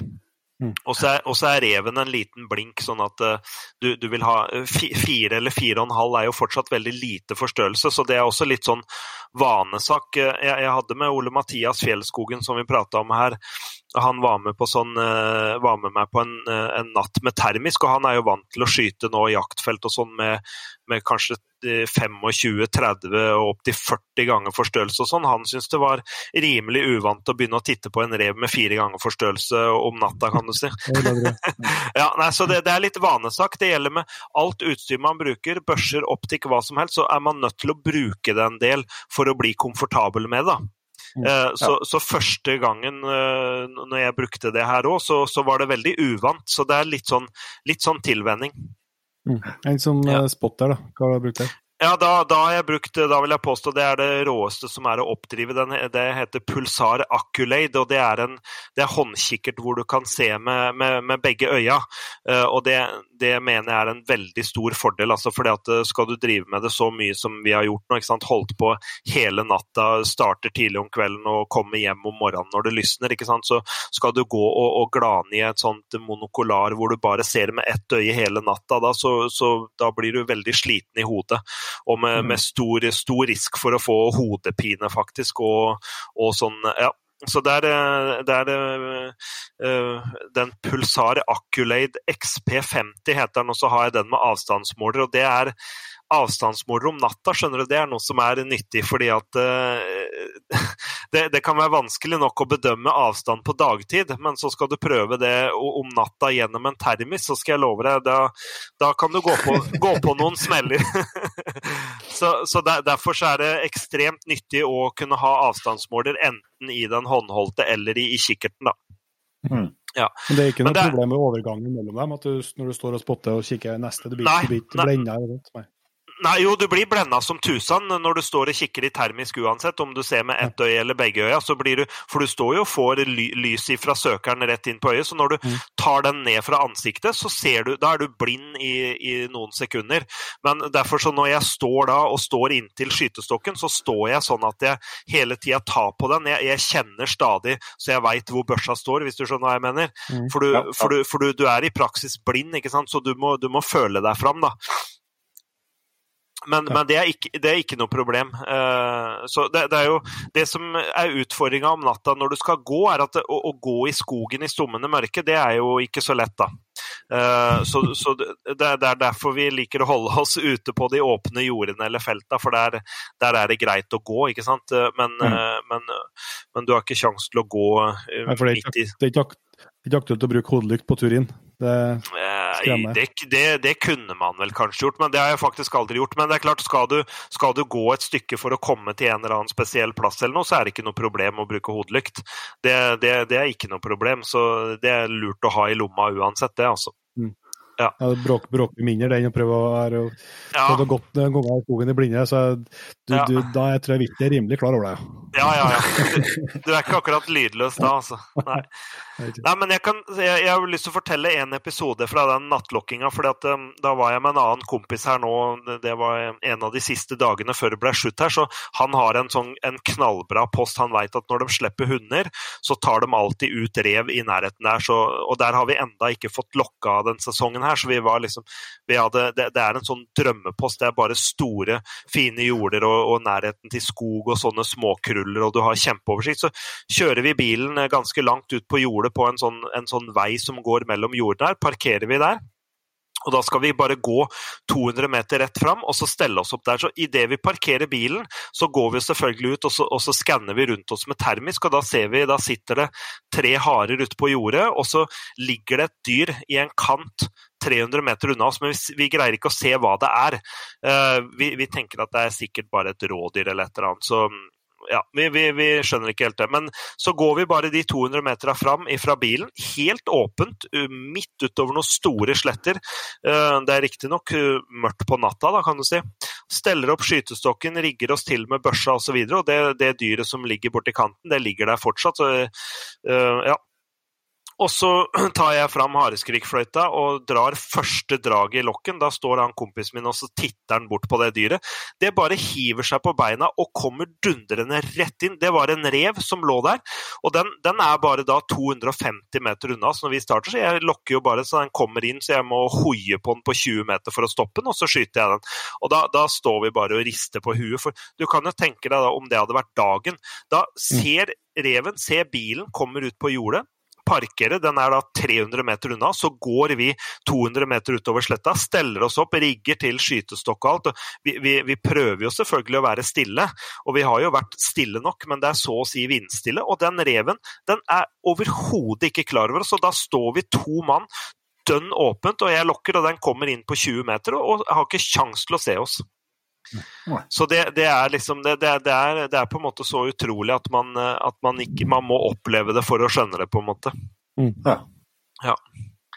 Jeg skjønner jo at du må, du må, lære deg til å klare deg med en og en halv times søvn framover, du òg. ja da, ja da. Nei, men eh, nå, nå, kan det se ut som det blir mye jakting i Norge og, og lite reising uh, også kommende høsten, så da blir det full fokus på jakt hjemme. Så mm. Målet mitt nå, nå har jeg jo skutt 81 rever siden 1.1, så, så målet mitt er 150 rever i 2020. Det er det. det eh, og, og, det, og det, det, er jo en lang jaktsesong. Det er jo fra 15. juli og helt fram til jul, ikke sant. Så det, mm. det tror jeg faktisk er, eh, er veldig sannsynlig. Og det, er jo, det, er jo, så mange plasser i Norge du kan kjøpe smårovviltkort for en latterlig billig penge. ikke sant? Store mm. grunneierlag på hundretusenvis av mål som selger jaktkort for ja, faktisk fra null kroner til bare et par hundre kroner for sesongkort på rev. Så det er mm. ubegrensa med jaktmuligheter ikke sant? for de som vil holde på med det. Ja. Så det er helt rått. Og så er det da supernyttig viltpleie. Jeg skal jo ærlig innrømme at hovedgrunnen til at jeg jakter rev, er jo fordi at jeg digger det. At jeg syns revejakt er bare helt rått. Og så er det en bonus at det er viltpleie. Jeg skyter jo ikke rev først og fremst fordi det er viltpleie, det, det er på en måte bonusen, da. Ja. Ja da, gutta. Det, det, går mot kveld her nå. ja, det gjør det. det, gjør det. Vi skal, ja. kan ta oss og begynne å gå inn litt for lenge. Hvis du, vi har noen sånne første faste eh, avslutningspunkter, vi, Kristoffer. og Noen har du kanskje måtte kanskje svare på sist, det kommer ikke, kommer ikke jeg på i farten. Men hvis du skal anbefale noe jaktutstyr nå, hvis jeg, da må jeg få si at du ikke får anbefale termis, da, for det, det mener jeg er ganske velanbefalt. ja, ja. det, det, jeg på. Nei av, av, jaktutstyr så, så, er det jo bl.a. den der skytestokken som jeg prata på. Eh, en sånn eh, det, det, er en, en, skytestokk som jeg, jeg ikke sponsa, eller jeg, den har jeg bestilt sjøl fra Cabellas i USA. Eh, og, og jeg, det er mulig det er noen butikker i Norge som, som har det, men det er jeg faktisk usikker på. Eh, men det, den heter Bog Death Grip. Eh, altså Bog, Bog BOG, og så dødsgrep, da, eh, på engelsk. Du hører, du hører at amerikansk den er, den er, amerikansk, men, men det, er, det, er, det, det, Death Grip det er en kraftig gummiklemme som sitter oppå stativet. Så det er, det er, et stort og tungt stativ. Jeg tror det veier ja, det må veie noen kilo, i hvert fall, så det er veldig stødig. Så det er, når du skyter stående ifra den, det er nesten som å skyte i benk, kan du si. Mm. Det er, det, så det, er faktisk ekstremt bra. Så det er jo til sånn type jakt hvor man eh, går på post, og så står man der, og så er man der, kan du si. Det er ikke noe du, du bærer ikke den med deg på reinsdyrjakt i fjellet eller du tar ikke med deg den på, på, på hjortejakt eh, opp i øverste lia, men, men, skal du bare postere i en jordekant eller eh, sånn all type lokkejakt og sånn, så er det det mest geniale verktøyet eller hjelpemiddelet som jeg har vært borti. Da. Det, mm. så, så, Bog Death Grip den kan jeg virkelig anbefale til jegere som har lyst til å, å, si, bli, bli bedre til å skyte. For det, bruker, vil du bruke den på, bruke den på, på bukkjakt og på ja, ja, ja. Det, det, skal jeg love deg. Ja, det har vi snakka mye om. At, og I tillegg til det, når du har utstyr da, som filmer gjennom sikte, så det blir jo nesten som et kamerastativ. så den, den blir så stød, Det blir så stødig filming. Og så er det da ei kraftig gummiklemme som holder våpenet fast. Så når du skyter òg, så får du ekstremt lite bevegelse i rekylen. Sånn at det, den er, ja, det er et helt genialt eh, hjelpemiddel, altså. Så den, eh, ja, det er noe jeg ikke kommer til å, å la, la, bli igjen når jeg skal på tur i, i, i framtida, i hvert fall. Ja. Det skjønner jeg. Ja. Så Kristoffer, du, du, har jo kommet med jakttips her, og greier, men hvis du skal plukke fram eh, et godt jakttips eh, denne gangen? Ja, det, jeg, det, som jeg får mest spørsmål om, er, er jo all denne revelokkinga. Og jeg, jeg, var jo inne på det i sted, at uh, revelokking er vanskelig, spesielt på dagtid. Nå, nå har jeg jo vært så heldig og skutt 90 rever nå den sesongen her, og da er det uh, kun 20 av dem, eller drøye 20, som er på daglokking. Uh, resten er om natta, og så er det to av dem som er skutt på åtte. Men det å, å, å, være kjent på terrenget, da, eller gjøre seg kjent på terrenget ikke sant? Eh, gjerne hvis man har et jaktområde og skal jakte rev, eller, og, og lokke rev, snakk med jegere som jakter på samme område med bikkje f.eks. For eksempel, fordi at de, det er de som kjenner området best. da. Uh, hundejegere, det, det, er i hvert fall min, erfaring, og det gjelder jo egentlig veldig mye vilt. da, ikke sant? Både rådyr og elg. Men rev òg. Snakk med bikkjejegere. For, for alfa og omega for å lykkes med med den revejakta, det er å faktisk vite hvor reven er når du lokker på den. Eh, og ha, mm. ha, ha størst mulighet for det. Altså, det er akkurat det når, når det gjelder det der med, med hvordan lokke, hvilke lokkefløyter osv., det har mye mindre å si enn at du faktisk har en, en rev i nærheten når du lokker. Mm. Ja, så, så, det, så det, det, er ett tips eh, som, som, i hvert fall er, eh, er, et verdifullt tips, da. er klart. Mm. Og så er det jo selvsagt eh, fristende å spørre deg òg, som har jakta rundt omkring på hele kloden eller mindre og, skutt i masse forskjellig. Ja. Er det noen jaktdrøm som ennå ikke har gått i oppfyllelse, som ligger der? Nei, det, det, er ikke mange av dem, faktisk. Altså, jeg, har, eh, jeg, har, på en måte fått realisert egentlig alle jaktdrømmer jeg hadde. Så det er jo selvfølgelig, som vi snakka om i sted, mer av eh, brølejakt på kronhjort. Eh, enten det er i Polen eller Norge eller Sverige eller hvor det nå måtte være. ikke sant? Men, men, så jeg er ikke noe sånn som, som jager rundt og vil skyte ett et dyr av hver eller et eller annet sånt. ikke sant? Jeg vil, jeg vil oppleve mer, mer, av det som jeg syns er, er rått. da. Så ba, bare, for, bare fortsette. F.eks. oppleve en sånn eh, drømmehøst hvor du har, eh, har eh, full klaff med klekkinga på skogsfuglen f.eks. Det, det, er, det er mm. jaktdrømmer som jeg har hele tida. Mm. Ja.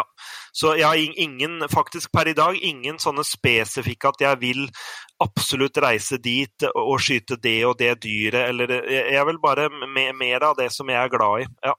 Mm. Uh, Afrika elsker jeg jo, så nå skulle jeg jo vært der nede nå, og vært der i sju uker, og dit vil jeg alltid tilbake. Det er en sånn en evig jaktdrøm som kommer til å følge meg i grava, kan du si. Ja. Ja, det var bra, det var bra at du for litt, fikk, fikk deg med på podkast i stand. Ja, det er bra for oss. bra for oss. Ja, ja. Nå har det jo kommet med en hel masse jakthistorier gjennom hele praten her, men uh, vi har jo litt sånn tradisjon på at vi avslutter med jakthistorier. Har du noe på luringa som ikke, som, som, vi, som, vi, ikke har sett på film til nå? På, på holdt jeg på å si, to, tobeint eller firbeint? Ja, det Får dere Får dere mye damehistorier her, eller er det alltid en, en jakthistorie på villdyr som kommer? Det er lite damehistorier, ja. Vi bruker å slå av knappen, ja. ja, du bruker å slå av knappen. Ja. Nei, for det, det, kan jo ofte være mer interessant å høre på, på, på noe bra, noe bra sånne jakt, jakthistorier på det, på det viltet òg. Vi tar det når det her rødlyset er slukka. Ja, det er bra. det er bra. Ja, nei, jeg har jo en, jeg, jeg sa jo at Afrika betyr mye for meg. Jeg, jeg har jo på en måte en Det, det var jo før den tida som eh, vi alle fløy rundt med, med videokameraer og alt skulle dokumenteres, men dette, dette, er tilbake i 1994 eller 95, så jeg var jo en, en del år yngre. Men da, da var vi ute i bushen i Botswana, i et område som heter Mababe, eh, i en buskmannlandsby. Og så hadde vi fått med oss eh, en, en, eh, ja, tre, tre, sånne buskmenn som skulle være med oss ut. Altså skulle vi jakte på kudu. Det er en sånn der klassisk afrikantilope, en stor antilope med sånne spiralhorn. Veldig fine dyr. Og så var det meg og fetteren min. Vi var to unge gutter på den tida. Det, er, det var tilbake i mine glansdager, for å si det sånn. Og så var det tre, tre buskmenn, da tre, tre trackere som vi hadde. Men dette var ikke noe sånn organisert eh, jaktreise i det hele tatt. Vi bare kjørte opp dit, eller pappa kjørte oss opp der, og så eh, skulle han eh, Han var i landsbyen der og tror jeg skulle gjøre noe sånn legegreier, og så skulle vi eh, ut og jakte. Og Da tusla vi av gårde. Da gikk vi og smøg på noen sånne elefantstier. og Så skulle vi nærme oss et, eh, et vannhull der hvor de gutta visste at det brukte å være kudu. Ikke, ikke prata dem engelsk, ingenting, men vi brukte litt sånn tegnspråk og osv. Vi gikk, gikk, mot vinden og, og, gikk helt lydløst. Og så, og så nærmer vi oss det vannhullet, og der var det, det var helt dønn stille. Ikke et fuglekvitter, ikke et dyr, ingenting. Liksom da, da, smyger vi oss. Vi har gått helt stille og med vind i ansiktet og smyger oss fram der og ser ingenting. Og så er det kun jeg som har børse. Jeg går med en, en gammel Mauser i 3006 med, med åpne sikter. Ordentlig sånn Afrikabørse. Og så tar vi to skritt fram og kommer oss liksom ut av, av bushen og på åpninga, og så ser vi da i sidesynet så ser vi en bevegelse, og da ligger det tre, tre løver 20 meter unna oss. To, to hunnløver og en hannløve, og den ene hunnløva For da, da, vekter vi dem, da. Vi kom uforvarende på dem, ikke sant. Sånn at vi, Eh, og da var vi innafor nærgrensa deres. Hadde vi vært på 50 eller 100 meter, så hadde de bare reist seg og stikket, men der sto vi plutselig fem karer og, var, eh, og, og, rett og slett vekte dem og var fornærmet. Så den ene hunnløva, bare med, med, en gang hun ser oss, så hiver hun seg på beina og styrter mot oss i full fart. Og dette her skjer jo i løpet av noen få sekunder, og du, du rekker jo knapt nok å tenke ingenting. Og jeg husker, jeg rakk i alle fall ikke å, å snu meg og peke noe børse imot, og når det er på sånn seks-sju meter, så bare bråstopper hun i sanda, så sanda spruter foran kløra på oss, og hun liksom snerrer til og snur seg, og så løper hun av gårde, og da løp alle tre. Så det var på en måte bare hennes måte å si fra at eh, du, nå var dere litt for nære her, på en måte. og da, fetteren min han var jo helt forferda, jeg sto der sjøl og du blir jo satt ut. Eh, det, det, skjedde så fort at jeg rakk ikke å tenke på å løfte børsa og sikte på, på løven engang. Og så ser, ser vi på de tre buskmennene, de står bare og gliser. Så, da, så, det var på en måte Nei, det der det opplevde de sikkert hele tida. Men da, da, skjønte vi at det var ikke noe vits å jakte akkurat der, så vi fortsatte videre. Og bare ti minutter seinere så går vi fortsatt på noen elefantstier, og da ser vi det står en, en, stor elefant foran oss i den retningen vi går. da, Så sier jeg til fetteren min at vi burde vel kanskje gå, gå i bue rundt den, for da, da forsvant vi liksom litt inn i, i bushen, sånn at elefanten forsvant ut av syne for oss. Og det som da skjer, at da når, når bushen på en måte åpner seg igjen da, så skjer akkurat det samme. Da kommer vi plutselig eh, litt bus på den elefanten, og den får se oss. Og det likte han ikke i det hele tatt. Og bare ut med øra og blåser i snabelen og kommer styrtende mot oss. Og da skal jeg love deg, de der buskemennene ikke sto og gliste lenger. Da, jeg har aldri sett noen løpe så fælt som de, de tre kara da. Og de heiv seg ned i et sånt forlatt elveleie, og fetteren min løp i ene retningen, og jeg løp i andre retning. Så vi, vi bare sånn instinktivt spredde oss i alle retninger og løp. Og selvfølgelig så kom jo den elefanten etter meg. Nå var det jo bare jeg som hadde børse, da. Men da skal jeg love deg, da, da løper jeg for livet, for å si det sånn. Så i løpet av et kvarter da, så hadde vi blitt uh, holdt jeg på å si, gjort skinnangrep på av en løve og uh, bli kjeppjaga av elefanter. Uh, eller av, av, en elefant. Og så kommer jeg ut på ei stor slette og bare løper og løper og løper. Og elefanten kommer da dundrende ut på sletta bak meg. Så stopper han og blåser i snabelen og rister på huet, og så tusler han tilbake. Men da, da, da var det liksom det, det, var no, nok opplevelse for, eh, for, et kvarter, så da, da ble det ikke noe mer kudujakt den dagen, for å si det sånn. Ja, Men du, du var nå adrenalin-junkie da, vil jeg tro? Ja, ja da, da, da, var det litt, litt, litt mer enn vi, vi hadde håpa for. Men det er en sånn, selv om ikke den har vi ikke noe bilder av, eller vi har ikke noe, ikke sant, ikke noe kameraer, ikke noe GoPro, ingenting. Men det, akkurat sånne opplevelser, de, de mm. brenner seg jo fast i minnet, ikke sant. Og, mm. ja, nei, så det, det var det, så, Sånn i ettertid er det jo bare helt rått å ha opplevd det. Og det, det med løvegreiene, det skjedde så fort at man rekker ikke å bli redd. Men eh, med elefanten så, så er man livredd, kan du si. Da, mm. da, løper du bare det du orker. Så en, en 3006 med blyspiss, det, det er ikke noe du egentlig vil ha i hånda når en elefant kommer heller, så ja. Den tror jeg bare gjør vondt verre. Nei da, men, men Afrika er eh, og, og, enda så er det mulig å, å, på en måte Om man ikke nødvendigvis ønsker å oppleve akkurat det der, så er det mange plasser i Afrika hvor det er mulig å oppleve Afrika som det alltid har vært. da. Mm. Ja. Har dere, noen av dere noen gang vært der, eller? I Afrika? Nei, ikke i Afrika, nei. Har, har dere holdt jeg på å si, snakka om det eller tenkt på det noen gang? Ja, det var faktisk ikke så langt unna. I fjor, fjor sommer så var det egentlig på plan, som en sånn ja, sommerfamilietur. Ja, ja, ja. Eh, men eh, så ble det litt usikkerhet om noe, noe vaksiner litt sånn som gjorde at det ble utsatt. Så det står på tapeten, ja jeg vil anbefale det, og, og, og det, det, er jo også perfekt å ha med familie, som, eh, som du nevnte på der. Eh, mm. Alle sånne steder i Afrika så er det, det, det er en drøm for unger. vet du. Det er så eksotisk og så mye, så mye å oppleve. Jeg var jo sjøl bare elleve år første gang vi flytta til Afrika. Det er bare som et, et eventyr, ikke sant.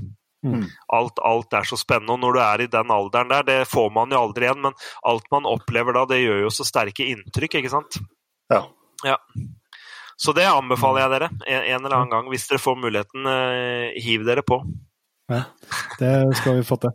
Ja, men ja. Eh, vi skal begynne å runde av, Kristoffer, og si tusen hjertelig takk for at du tok deg tida til en prat med oss igjen. Eh, det er jo jeg, tror vi skal holde på en sesong da, før vi har fått tømt riktig alt av jakthistorie. Men vi kan jo se om vi etter gå et par jaktsesonger igjen, så er det jo tilbake med så er banken fylt opp igjen. Veldig trivelig å prate med dere igjen. Og så er det jo det er kult å følge dere og se, se den reisen dere har gått. Og så må dere virkelig fortsette den, den gode jobben dere gjør der. For dere har helt klart treffet en, en nerve hos den norske jegersjela og, har, og fyller et, et, tomrom som var der, som, som jegere setter pris på. Så det syns jeg det er skikkelig kult. Takk, takk for det. Takk for det. Det var et par timer med Kristoffer Klausen eh, i Jegerpodden. Eh, det blir jo eh, litt sånn at vi sitter og, og skryter, og, og, det blir mye, men, men, det er jo ikke noen annen måte å gjøre det på. Nei, det er jo ikke. Ja, det er, det, det er ikke men og det men, så skal jeg komme på, han har holdt på stygglenge i gamet her og, og har borte, Han er, var og er og kommer og en knallgod jeger. Og, og blitt til å få med alt på film. og, og han har virkelig stått på oss. så Det er en, det er en vel rundt. Ja, ja. Kjempeartig. Så det spesielt det ja, det var noen spennende tips både på uh, skytestokk og ikke minst det var artig å høre her eh, termiske greiene. Jeg har jo ser jo at eh, det er mange som kjøper seg termisk, og det snakkes mye om det rundt omkring. og Det brukes mye, men det har, eh, jeg har liksom fått, fått, det forklart litt i, i en faktisk jaktsituasjon. Ja, ja. Så, ja, det er spennende, interessant. Det er det. Så, så håper dere likte den praten. Vi skal Eh, runde av her eh, og tips om at det er nye ting på gang i nettbutikken med skjorter. Nå er alle farger og størrelser av gensere og T-skjorter, og det er på lag, lag, lageret lagerdøra til Jon Inge den bule. så hvis noen har lyst til å hjelpe oss med det, så vet dere at dere finner nettbutikken vår på jegerbånd.no. Eh, og så skal vi jo heldigvis få lov til å følge opp den vakre, nydelige og hyggelige tradisjonen med å takke eh, nye patriens. Ja. Eh, og det her øverste navnet her, Inge, det kan du få starte med, for det har vært så vanskelig opp meg. Nei, dere, dere, dere blir for uh, funky opp meg, ja. da prøver jeg å si tusen takk til 94RT. og så sier vi til en Arnt Helge Dradland Og Bjørn Granli. Bjørn Harald Vik. Bjørnar Olsen. Brita Sandvik Wilks. Eli Oline.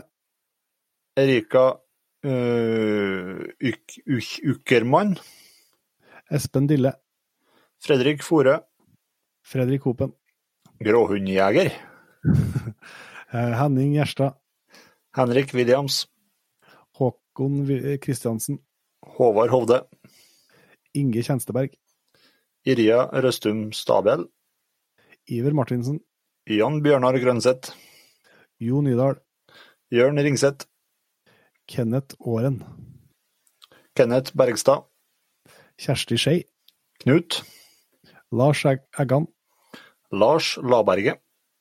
Lars Olav Ståland. Magne Odneram. Magnus Kullsetås. Martin Solbakken. Morten Langås. Odd Arne Rosvold Sørli. Ole Bjørn Rovik. Ole Kvernstad. Ole Martin Samuelsen. Ove Bjørusdal. Per Anders Helgen. Robert Kulseth. Runa Rønning. Skule Ydstad Skei. Steffen Sakshaug. Steve Holum. Stig Sneggen. Thomas Myrvang. Trond Sundset. Trond Bjørke. Og Øyvind Rørevik. Tusen hjertelig takk til dere, og selvsagt òg til alle, alle dere som har blitt Patriens tidligere. Vi er utrolig glad i dere. Det skal dere, det skal dere vite. Så hvis det er flere som har lyst til å være med og, og støtte jobben vi gjør med Jegerpodden, så finner dere alt om det på jegerpodden.no. Der finner dere òg alle episoder og nettbutikk og hele hopprennet, så sjekk gjerne ut eh, det. Håper at du legger inn eh, liveshowet med Svein Jæger Hansen som streames direkte på Facebook og på YouTube 25.4 i kalenderen med fete, store bokstaver. Og så ser vi som vi bruker å gjøre til neste gang. Vi høres.